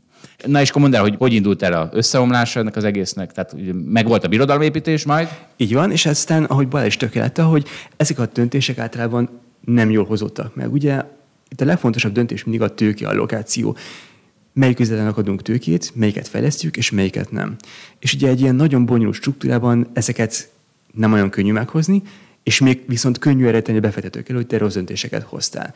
Ezekre vannak mindenféle könyvelési módszerek, és a GE az erősen is élt ezzel, hogy nem transzparensen mutatta ki, hogy neki melyik iparágban mennyi cashflow termelik. Az eredmények nagyon szépek voltak, tök jó ki tudták hogy hú, tök jó eredményeket termelünk, de igazából ezeknek nem volt olyan nagy cashflow vonzata. És a legtöbb befektetőnek ez dött szemet, hogy az éves jelentések arról szólnak, hogy hú, tök jó eredményeket csinálunk, nagyon szépek az earningsek, elvileg papíron minden szép és jó, de igazából ennek cashflow-ban, tehát tényleges pénzáramban nem nagyon látták elét. Sokkal kisebb volt a cashflow átalakítási képessége, mint a hasonló cégeknek. És egy, pillanat, egy pillanat, egy pillanat, tehát a, az earningsből hogy lesz cashflow, vagy mitől nem lesz az earningstől cashflow? Hát ezt szeretnénk mi is tudni, ezt nem olyan könnyű látni. Úgy általában, mondjuk néhány okot. Hát például azért, mert többet kell befektetni, mint amit az amortizáció mutat, az egy legtipikusabb ok. A másik pedig, hogy itt időben el voltak tródva a kifizetése, meg a elszámolások. Tehát amikor leszállítasz egy turbinát, akkor azt mondjuk kiszemlázod most, hogy oké, okay, oké, okay, azt elszámoljuk most, hogy eladtuk, kapunk érte earnings papíron, de hogy abból majd cashflow később lesz és hogy ezek nem nagyon jöttek be később, lehet, hogy valamiért kevesebbet fizettek nekik, nem tudjuk pontosan, hogy miért, de hogy itt voltak ilyen nagy eltolódások, hogy igazából nem azt kapták meg pénzben, mint amit ők kifizettek, vagy kimutattak earningsben. Másik szerintem a költségnek a kapitalizációja, tehát amikor valami arra költenek, ami valójában mondjuk legyen egy innováció, vagy kutatásfejlesztés, de valójában ez úgy működik, hogy lehet, hogy nem lesz belőle semmi, de elköltik egy évbe, de aztán azt mondják, hogy ezt kapitalizáljuk, tehát beteszik a, a mérlegre, ilyenkor ugye ez nem egy költségként számolódik el, és akkor az úgy tűnik, hogy ez valami nagyon értékes dolgot csináltak, akkor már a jövőben lesz belőle értékteremtés, hát az amortizációban majd szépen 10-20 év alatt leamortizálják, de valójában ez már egy, egy kidobott pénz. És ez is a cashflow-t ugye csökkenti az earningshez képest rövid távon.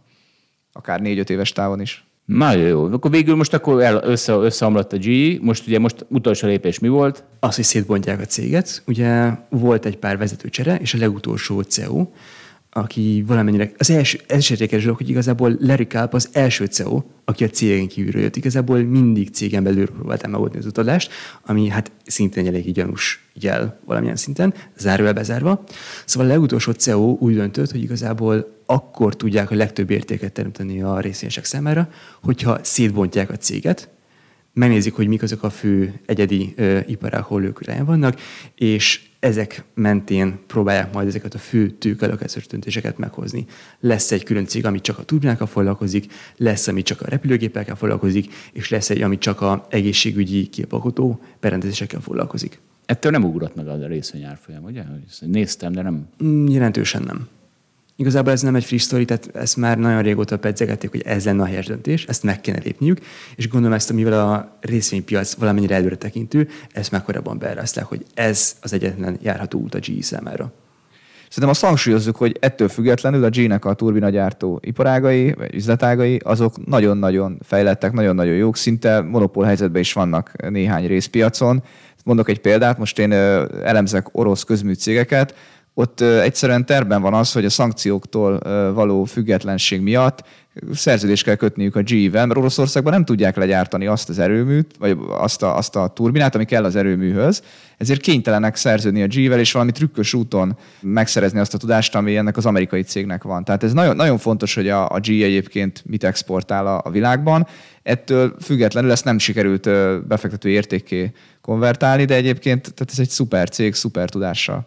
Most szerintem egyikünk se ért hozzá. Én azt hiszem, hogy ezek azért extrémek, meg kurva nagyok, nem? Tehát azért... Na most Oroszországban nem tudnak legyártani egy nagy turbinát? Hát ami ami egyben marad. Olyat, nem? Hát igen, de nem, nem, tudom, nem tudom mi, az, hogy a turbinában miatt ez a technológia, amit ő tud, és az oroszok nem tudnak lejárni, azt nem tudom, de úgy tűnik, hogy ez fontos, és hogy van ilyen, ez már, ez már elegendő ahhoz, hogy tehát egy, a G mérnökei azok szerintem továbbra is nagyon büszkék magukra attól függetlenül, hogy a részvényel mit csinál. Igen, azt hiszem kettő ilyen cég van, az Alstom meg a G, akik ilyen turbinákat gyártanak legalábbis ilyen Európában erről tudok, lehet, hogy aztán még van más is rajtuk kívül, de ezek nem az is az a gond, hogy ezek extrém hanem extrém bonyolultak, komplexek. Egy ilyet megtervezni, meg, és tényleg legyártani, az egy elképesztő tudás, amihez egyikünk sem ért a három között, ezt tök jól látod.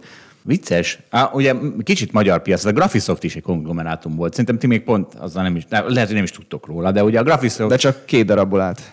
Igen, tehát volt a Graphisoft ugye a, a mérnök szoftver, és Graphisoft Park, Az ingatlan, ami ma, és ez, ez is egy tipikus konglomerátum, és tényleg ebből probléma volt, akkor a Concordban dolgoztam, és az elemzőnk nem bírta elmagyarázni a külföldi befektetőknek, hogy most akkor hogy kell értékelni ezt a céget, mert ugye egy, egy ingatlan fejlesztő cég az alacsony pi szokott forogni, egy high-tech uh, szoftver cég. pedig magason. És azért nem vették a külföldi befektetők, mert nem tudtak vele mit csinálni. És az történt, hogy végül Bujár Gábor beleegyezett, hogy szétválasztja, ráadásul igen, előbb szétválasztotta, és aztán később el is adta a Graphisoftot, mint szoftvert, és na de attól, hogy szétvált, attól elkezdett mind a két árfolyam. Pontosan, ezt nagyon jól látod. Igazából én ezt a saját bőrömben éreztem, amikor nekem a G-t kellett elemeznem egy négy-öt évvel ezelőtt, hát akkor én vért izzadtam. Tehát ennél rosszabb munkát nehezen tudok elkezdeni, mint egy ilyen bonyolult cég struktúrát még szétbogozni, na és utána kezdhetsz el az egyes üzletágakkal foglalkozni, azokat megértsd.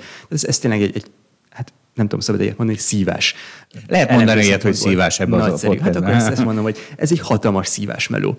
És igazából vannak még konglomerátumok a világban, valamennyire holdingoknak hívják őket, és ha megnézed ezeket a holdingokat, minden elemző úgy érték, hogy oké, oké, adunk neki egy felárat, és erre adunk egy holding diszkontot, pusztán azért, mert hogy holding. Semmi más. Bonyolult, nehéz megérteni, nehéz átlátni, könnyű benne hibázni elemzőként is, és ezért úgy repül egyből a holding diszkont. Például a Google. Tehát ugye a, a Google az, a- az, az egy konglomerátum vagy holding, és abban tényleg minden van, és fogalmunk sincs, hogy melyik üzletága fog felrobbanni, és óriási értéket teremteni. Vagy az Amazon. Tehát vannak még ilyenek, könnyű ilyeneket találni, és lehet, hogy ezek igazából, hogyha szétbontanák őket, sokkal többet érnek, mint most egyben Google-ként vagy Amazonként. Hát azért annyit teljesítenék, vagy én másképp látom ezt, hogy ott mindenhol szükséges a nagyon erős mérnöki, meg nagyon erős programozói tudás, Meg a hálózat. meg a Tehát hálózat. Tehát nem minden iparágban fontos egyébként a hálózat, tehát mondjuk a cloud service az szerintem inkább egy simán egy oligopol piac, nem hálózati hatás van, hanem csak az van, hogy nagyon nagyok a belépési korlátok hálózattól függetlenül, de persze van ilyen, hogy hálózat valóban az e-commerce-ben is, meg a keresőben is. Meg, a, meg még a, mit tudom, a, a mesters, tehát az autó önvezetésben is van hálózati effektus, tehát egyszerűen mindenben ott lesz a hálózati effektus. Hát mindenben nem lesz Jó, ott, nem lesz de, mindenben. de, de, azt akarom mondani, hogy ott van egy mögöttes tudás, ami, ami nagyon hasonló most egy bank, meg egy turbinagyártó, na az, ott nem látom a közös tudást. Tehát ilyen szempontból a G különbözik. Egyébként rá akarok menni arra a témára, hogy a tőzsdén milyen holdingokat elemezni. Egy, itt most fel is vettem, hogy én magamban ezeket mindig holdingnak hívom, aztán lehet, hogy a konglomátum meg a holding nem ugyanaz. Mondok két példát. Törökországban vannak Kocs Holding, Szabancsi Holding, ezek ott nagyon nagy cégek és nagyon fontosak a gazdaság szempontjából, de mondok egy másik példát Nyugat-Európából, Belgiumból, a Tessenderlónak a példája. Na most az a nehéz, hogy az ember ugye beértékeli ezeket üzletáganként, amennyire tudja persze, mert sokszor azért nehéz technikailag, mert ugye a riportokban egyben látjuk a cashflow-t, meg egyben látjuk a bevételt, meg egyben Pontosan. látjuk a költséget. Van, hogy szétválasztják, van, hogy kevésbé de ez nehézséget okoz. Minden esetre megpróbáljuk beértékelni, és általában azt találjuk, hogy ezek a holdingok, ezek olcsók. És miért? Mert van rajtuk egy holding diszkont, ami pont abból fakad, hogy a befektetők azok már, hát lehet, hogy 60-as évek másképp volt, de most nekem is úgy tűnik, hogy utálják ezeket a holding befektetéseket. Már csak azért is, mert egy befektető szeret arról dönteni, hogy mi befektet. Most a unalomig emlegetett példánkat előhozva, szerintem az elektromos autó, hagyományos autógyártó közötti különbség is ilyesmi, hogy én elektromos autógyártóba akarok fektetni, akkor azt könnyen megtalálod, hogy melyik az, amelyik csak azt termel, vagy csak azt gyárt. És akkor ott van a Volkswagen, meg mindkettő már, az, az, hogy már ez is bonyolult, hogy most régit is veszek, meg újat is veszek, hát ez, ez nagyon bonyolult, akkor inkább, ha elektromos autógyártóra gondolok, akkor, akkor a Teslát veszem, vagy a Riviant, vagy a Lucidot, vagy nem tudom. És ugyanez van itt is, hogy mondok egy aradva a példámnál, egy Tessenderlo belga vállalat, annak, annak van mondjuk ö, agrárbiznisze, meg van neki áramtermelő erőműve. Na most az ember az, aki befektető, aki dönt, az sokszor vagy az egyik iparágat ismeri, vagy a másik iparágat ismeri, az egyikbe akar fektetni, vagy a másikba, szóval a kettőt együtt kell neki megértenie, az, az egy ilyen többlettudást kíván, meg sokszor ez így kívül esik a, nem tudom, az, az ő intézményi korlátain, hogy ő milyen befektetőnek hívja magát, milyen befektetőknek tudja eladni az ő tudását. Tehát, hogy ez már bonyolítja a helyzetet, és ez valószínűleg ront ezen a, azon, hogy a holdingnak végeredményben lesz viszonylag jelentős diszkontja. És akkor mikor lehet, mikor lehet értékes, meg jó dolog szerintem holdingba fektetni? Hát akkor, hogyha viszont nagyon-nagyon tisztában vagyunk benne, hogy az az érték, amit ezek az üzletágak együtt képviselnek, az kijön a cégből, magyarul fog osztalékot fizetni, vagy részvényt visszavásárolni. Mert akkor viszont ez egy nagyon érdekes dolog lehet, hogy mindenki utálja a holdingokat, alacsony az árfolyam, de hát amit megtermelnek ezek üzletágak, akár lehet, hogy jól is vannak egyébként menedzselve, például ez Tessenderlót én egy nagyon jó vállalatnak látom. Azt már nem tudom ennyire biztosan, hogy jó befektetés, de szerintem jól van menedzselve az elmúlt évek pénzügyi helyzet alapján, és hogyha ki is jön az érték, akkor ez, ez, ez jó befektetés is lehet. Így van, ennek még van egy kapcsolódó témája, hogy a holding diszkont sem egy állandó. Ugye én azt mondom, hogy ez, egy fix dolog és állandóan repül, de ez nem igaz, a holding diszkont mérték is változik. Van, amikor jobban utálják, van, amikor kevésbé utálják. Mondj számokat, mennyi egy holding? Általában 20%-ot szoktak így kapásba tenni egy ilyen cégértékelésben, de látunk már, hogy egy ilyen holding diszkont fölment 40-60%-ra is. Hogy miért van, az kicsit szintén nehéz állítani, ez szintén egy ilyen nagyon bonyolult és sötét része a vállalatértékelésnek, de lehet úgy is befektetni egy holdingba, amikor azt látjuk, hogy éppen nagyon-nagyon magas az utáltság, nagyon nagy diszkont adnak a holdingnak, még a 20% fölöttit is, és számíthatunk arra, hogy majd ez valamilyen szinten normalizálódik, és vissza az ilyen átlagos 20%-os holding diszkontra. G-hez még visszatérve, hogy amikor építette a holdingot, és adta például a pénzügyi érdekeltségeit, a Budapest Bank is G tulajdon volt, és aztán így, így hullott a magyar állam karmai közé. Így van. Bank. Na és figyeljetek, akkor figyelj, a Jack Welch, ugye Jack Welch, CH-val írják, nem tudom, hogy ejtik. Szóval ez a Jack Welch, ő volt a Isten császára a G-nek, és ugye óriási, nem tudom mi volt, sztár volt, akkor majd mostanra Ugye, ja, igen, volt egy nagyon érdekes mondat. Azt mondta, hogy az ő munkáját nem abban kell mérni, hogy mennyi a részvényárfolyam akkor, amikor leköszön, hanem hogy utána, hogy teljesít a G. Hát azóta akkor tize, vagy mi, mi, volt, mi volt az eredményünk? Ötödölt azóta a G? Negyedelt, ötödölt. Negyedelt. Na szóval, akkor hogy értékeljük Jack Welch munkáját? Ez a mondat nagyon hangzott a lemondása utáni tíz évben, mert ugye ezek nagyon bonyolult problémák voltak, és akkor még nem derültek ki. Miután lemondott, utána még sokáig szárnyalt meg, tök magasan volt a GER folyama. Azt hiszem a legmagasabb talán még az utódja alatt is bőven-bőven profitált ebből a Jack Welch által felépített hype a GE. És ezek a problémák, amiről beszéltem, ezek nagyon-nagyon bonyolult és nagyon-nagyon mélyen gyökeredző problémák voltak, és ezek a 2010-es évek második felében kezdtek el a felszíne törni. Tehát igazából utólag könnyű azt mondani, hogy hát persze, persze, ez itt egy nagyon-nagyon félremenedzselt cég volt, nem voltak jól meghúzott allokációs döntések, és utólag könnyű azt mondani, hogy hát igen, ezt, ezt nem így kellett volna menedzselni. Utólag Jack Welch pálya nem tűnik annyira fényesnek, mint ahogy ezt ő szeretné láttatni, vagy szeretné erre emlékezni. De ennél is rosszabb, mert ugye sok ilyen takargatásra is fényderül. Tehát, hogy, tehát nem csak, hogy nem ment, nem csak, hogy rosszul sikerült, hanem tudta, hogy rossz, és azért takargat. Hát a takargatás igazából már csak utána történt meg, tehát ez egy Jack Welch nyakába a varni az kicsit erős, hogy ezzel mennyire tisztában, azt már utólag tényleg nehéz megállapítani, erre nem is vállalkoznék. Akkor elnézést kérek Jack Welch-től. De nem kell elnézést kérni, azért volt erre ellenpélda is, lásd Henry Singleton, akiről szintén írtam a cikkben, akinek a példán tudható lett volna, hogy igazából nem feltétlenül ez a prudens és jó módja a konglomátumok kezelésének.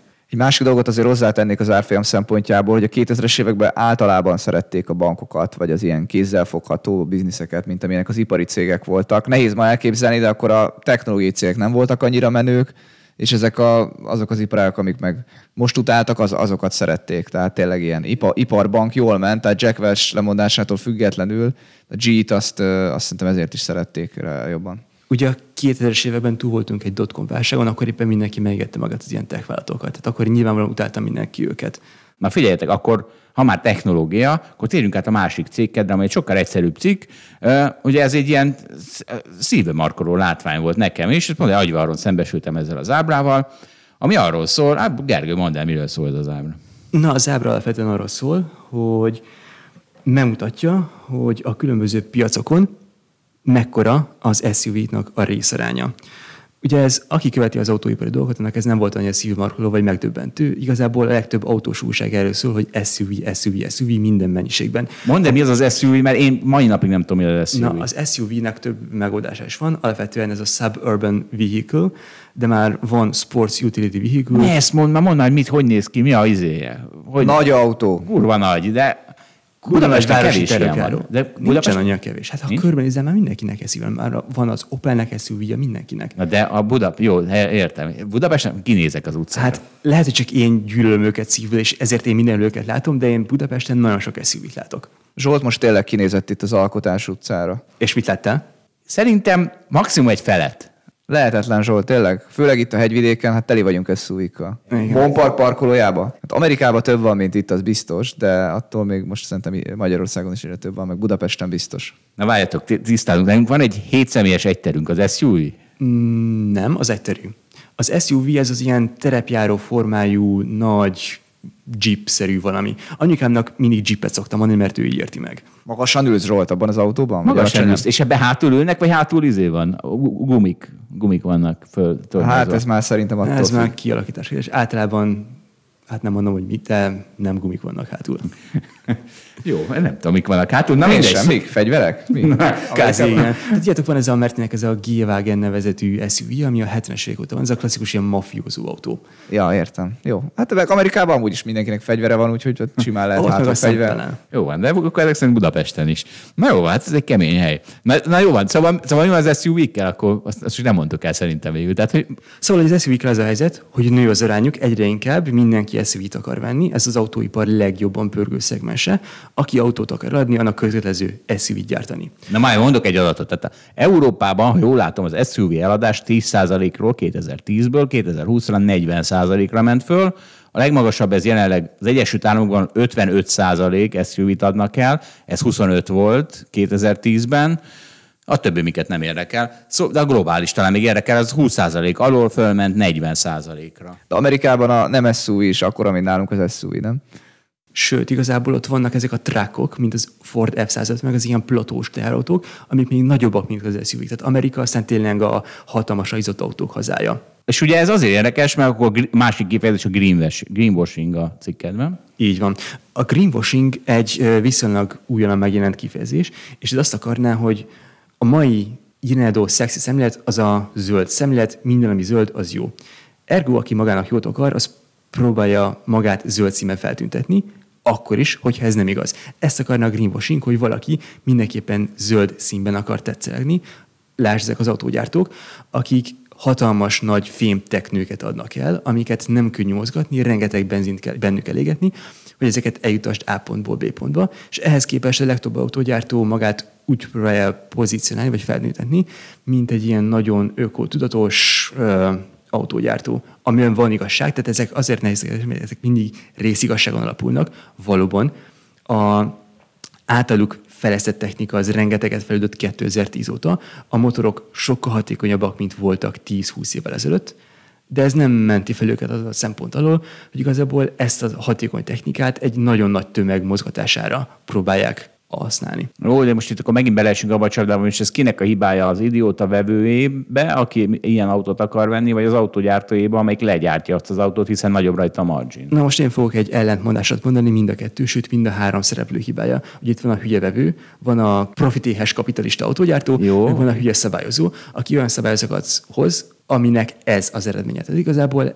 lehetne olyan szabályokat is hozni, amik valóban arra köteleznék az autógyártókat, hogy mindenképpen a teljes kibocsátást csökkentsék. Ugye itt most flotta átlagokat néznek, megmondják, hogy egy autógyártó egy bizonyos értéket éren el az egész flotta szintjén. De nem enzik azt, hogy igazából ezek valóban mekkora CO2 kibocsátásra járnak. Lehetne olyan szabályokat is hozni, amik nem elégednek meg azzal, hogy bizonyos autógyártók fajlagosan mennyi CO2 kibocsátást produkálnak, hanem nézhetnék a tényleges CO2 kibocsátást is. Bocsánat, ugye én, én nekem az feltűnő, hogy fejlődik a technológia, a károsanyag kibocsátás az egyébként csökkenne ezzel együtt, de hát az emberek nagyobb autót vesznek, úgyhogy amit egyik oldalon megnyernénk, azt a másik oldalon elbukunk. Pontosan. Hát furcsa ez az egész. Minden esetre van két hülye, a vevő, meg a szabályozó, meg van egy, egy profitéhes élelmes én harmadik nevető. Van, én, én, szerintem én még, még mindig a harmadikkal vagyok. Tehát ő, az, szerintem az ő viselkedésük a legvédhetőbb. Pláne úgy, ha végig gondoljuk, hogy most mi történne, ha azt mondja, nem tudom ki a, a Opel, hogy na jó, mi nem gyártunk ilyet, akkor majd a többiek legyártják. Tehát vagy, vagy összebeszélnek, és egyszerre nem gyártanak. Erre van a szabályozó. Hát erre van a szabályozó. Nincs. Tehát ezért mondom, hogy, hogy hm, ahogy írtam a cikkben is, igazából ez egy ilyen nagyon-nagyon faramúci helyzet, mert aki kimarad ebből az SUV szegmensből, az egyértelműen nem marad. Tehát ez ma az autópiac legjobban pörgő, legprofitábilisabb, legvonzóbb szegmense, hülye az az autógyártó, aki ebben nincsen benne. Ez mindenkinek a problémája, ez nekünk igazából a bolygón élő embereknek ez annyira nem feltétlenül egy jó dolog. Jó, azért a Teslát most akkor nagyon kihagytad ezek szerint. Tehát a, a te definíciót szerint a Tesla ki van maradva, le van maradva, és az egy szar. De, De a Teslával most így könnyű nem foglalkozni ilyen szempontból, mert a Tesla volumenben még keveset gyárt. Igazából a green szempontból a nagyokat kell nézni, mert ők gyártanak volument, ők úgymond teszik tönkre a világot, azáltal, hogy mindenféle káros anyagokat bocsátanak ki. A Tesla, hát az még pici, ők még nem hatnak a bolygóra. Ilyen SUV-ben nincs is zöld, vagy nincs is elektromos. Dehogy nem, van. Model X.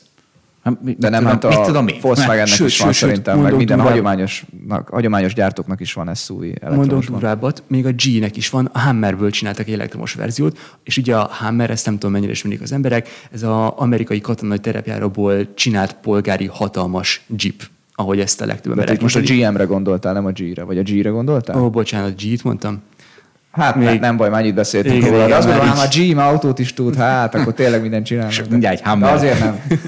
De valóban ez a GM-nek, GM-nek az egyik ilyen almárkája. Jó van. És az olyan plugin, hogy kiúszhatod a falból, akkor is megy, mert ezt már nem tudom elképzelni, hogy kurva nagy autó. Igen, ez egy full elektromos és gyorsul, mint állat, egy hatalmas tömeg, tömegű jeep, hát ez, ez Na jó van, akkor ennyit a, ezért nem tudom ki, most nem tudom, most kikbe rúgtunk bele. Az SUV vásárlókba egyértelműen. Egy, jó van, oké, akkor a, a, mondj egyet, ne vészítsük egyet, Berkül Krisztiánokba? A Per Krisztiánok. Jó, nem tudom, Per Krisztiánok ez van, nem tudom. Én sem tudom. Ha igen, akkor belerúgtunk. Be a haverjainak. Meg az európai autóvásárok 40%-ára húz bele most a, az ábra alapján. Tehát így nem kell kiemelni, vannak itt még bőven rajta. Az új autóvásár. Akkor jó sok mindenkivel belerúgtunk. Most igen. Ja, ja, ja, igen, és amit én akartam mondani, ugye az volt a, volt egy, szerintem egy tíz évvel ezelőtt hallottam ezt az elméletet először, hogy ahogy a bundák, a bunda kurva ciki lett. Bunda fejlett világban már nem volt senki, csak Oroszországban mert hogy ki akar egy róka, róka bőrbe öltözve mm, tetszelegni. És az volt az elmélet, hogy majd a nagy autók is a bundák sorsára jutnak. Tehát, hogy a bundát azt csak azért hagyták abba a fogyasztók vásárolva, mert egyre kínosabb lett a társadalom szempontjából. Na most a autók úgy látom nem ebbe az irányba mentek el. Hát igen, de ugye egy bundának igazából nem sok értéke van, meleget ad, de azt tudja egy másik kabát is. Egy nagy autó mit ad neked? Biztonságérzetet. És amikor azt látod, hogy körülötted mindenki hatalmas fémteknőben van, csak te vagy egy ilyen kis lélekvesztő, kis szappanos dobozban, akkor félni fogsz. Ergo neked igazából mi a döntés? Te is beszállsz a fegyverkezési versenybe, és te is egy hatalmas autóba szállsz bele, ezáltal magadat is jobban biztonságban érzed. Ezt, várj, ezt Tessék Zsolt, hálózati hatásít. De várj, ezt, ezt ti tudjátok, vagy ezt most te, ezt én nem hiszem el? Én Dehogy azt... nem, hogy a legtöbb embertől, aki beszélek erről, és mondjuk megkérdezem, hogy miért veszel eszüvit, azt mondja, hogy azért, mert ez biztonságosabb, mint egy kombi, vagy egy szedán, vagy egy ilyen hatchback autó. Jó, szerintem hazudik, és azért vesz SUV-t, mert azzal föl tud vágni, és ezen keresztül adja el egy társadalmilag e, izé, magyarázhatóbb módszer izének. Érted? Én meg szerintem ezt nem olyan könnyű kell Lehet, hogy ez is valamit te mondasz, ezzel nem akarok vitatkozni. Nagyon könnyű elképzelni, és sőt, igazából ezt el is hiszem neked, hogy van ilyen hatása, hogy van ilyen vonat ennek a történetnek, de azt is nehéz átagadni, hogy hát igen, aki ütközik, és aki a nagyobb, nehezebb autóban, az jobb esélye meg, mint aki egy ilyen kis összetöpörödő autóban van. Hát jó. Akkor, na hát akkor köszönjük szépen, Gergő. Köszi, Gergő. Én köszönöm szépen, hogy meghívtatok. Oh yeah, baby. We got it together, didn't we? It's me, Barry. We've definitely got our thing together, don't we,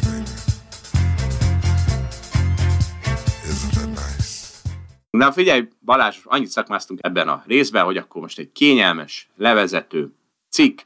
Képzeld el, Franciaországban még mindig lehet kerek fishbolt árulni. Én nem tudom, mi az a fishbowl magyarul. Mm, akvárium, nem? Hát ne, nem akvárium, mert arra egy négyszögetes szarra gondolsz, de a ból az kerek, ugye, és itt ez a, ez a lényeg, hogy a kerek fishbowl, ami minden rajzfilmben benne van, az már egy csomó országban tilos, de Franciaországban még nem. És tudod, mi a baj a fishbowl-lal? Elolvastam azt a cikket, hogy megörülnek benne a halak. Én nem tudtam hogy, hogy különbség van ebben, hogy nem szabad a halaknak kerek akváriumban lakniuk. Meg körbe, körbe gömbölyű, gömbölyű, gömbölyű akváriumban inkább, mondjuk így. Azt nem tudom, szerintem a, a, a térbeli gömbölyűsége nem számít, csak a síkbeli kör, körsége. Tehát, na mindegy, ez, ez szerintem a halak evezésének a röppájáját most ne, ezt már túltárgyaltuk, szóval az a lényeg, hogy beleőrülnek a Ezt nem írja a cég, de ez elgondolkodható, igen. Körbe-körbe evezésben megbolondulnak, és csak Franciaországban nem volt ez még betiltva, és most mondta, most mondta egy Fishbowl Company, hogy mostantól kezdve nem gyártunk ilyet. Ez ugye nem egy nagy dolog, ez 50 ezer fishbolt adtak el egy évben, darabja 20 euró, de ez arra példa, amiről beszélgetünk, hogy kinek a feladat az, hogy a Coca-Cola ne gyártson műanyag palackokat a coca cola Na de akkor a versenytársak fogják abból gyártani. Az állami, hogy betiltsa. Hát tudja a fene.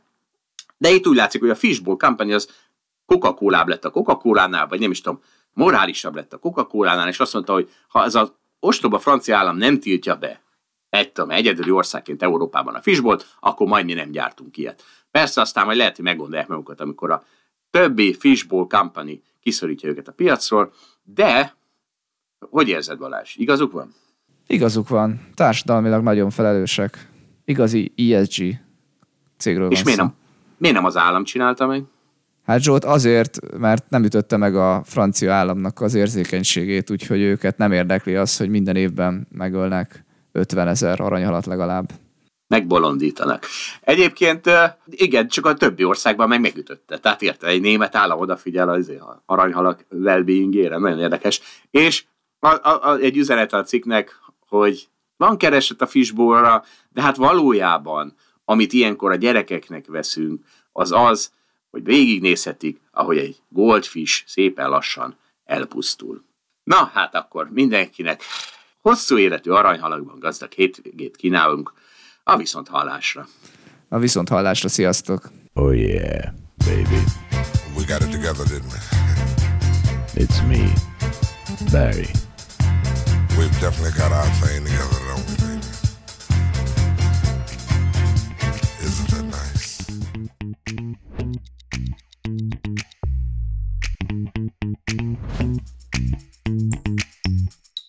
Köszönjük, hogy velünk tartott a Hold After Hours mai részében. Ha tetszett a műsor, kérjük értékeljen minket, és iratkozzon fel csatornánkra, hogy azonnal értesüljön legfrissebb epizódjainkról.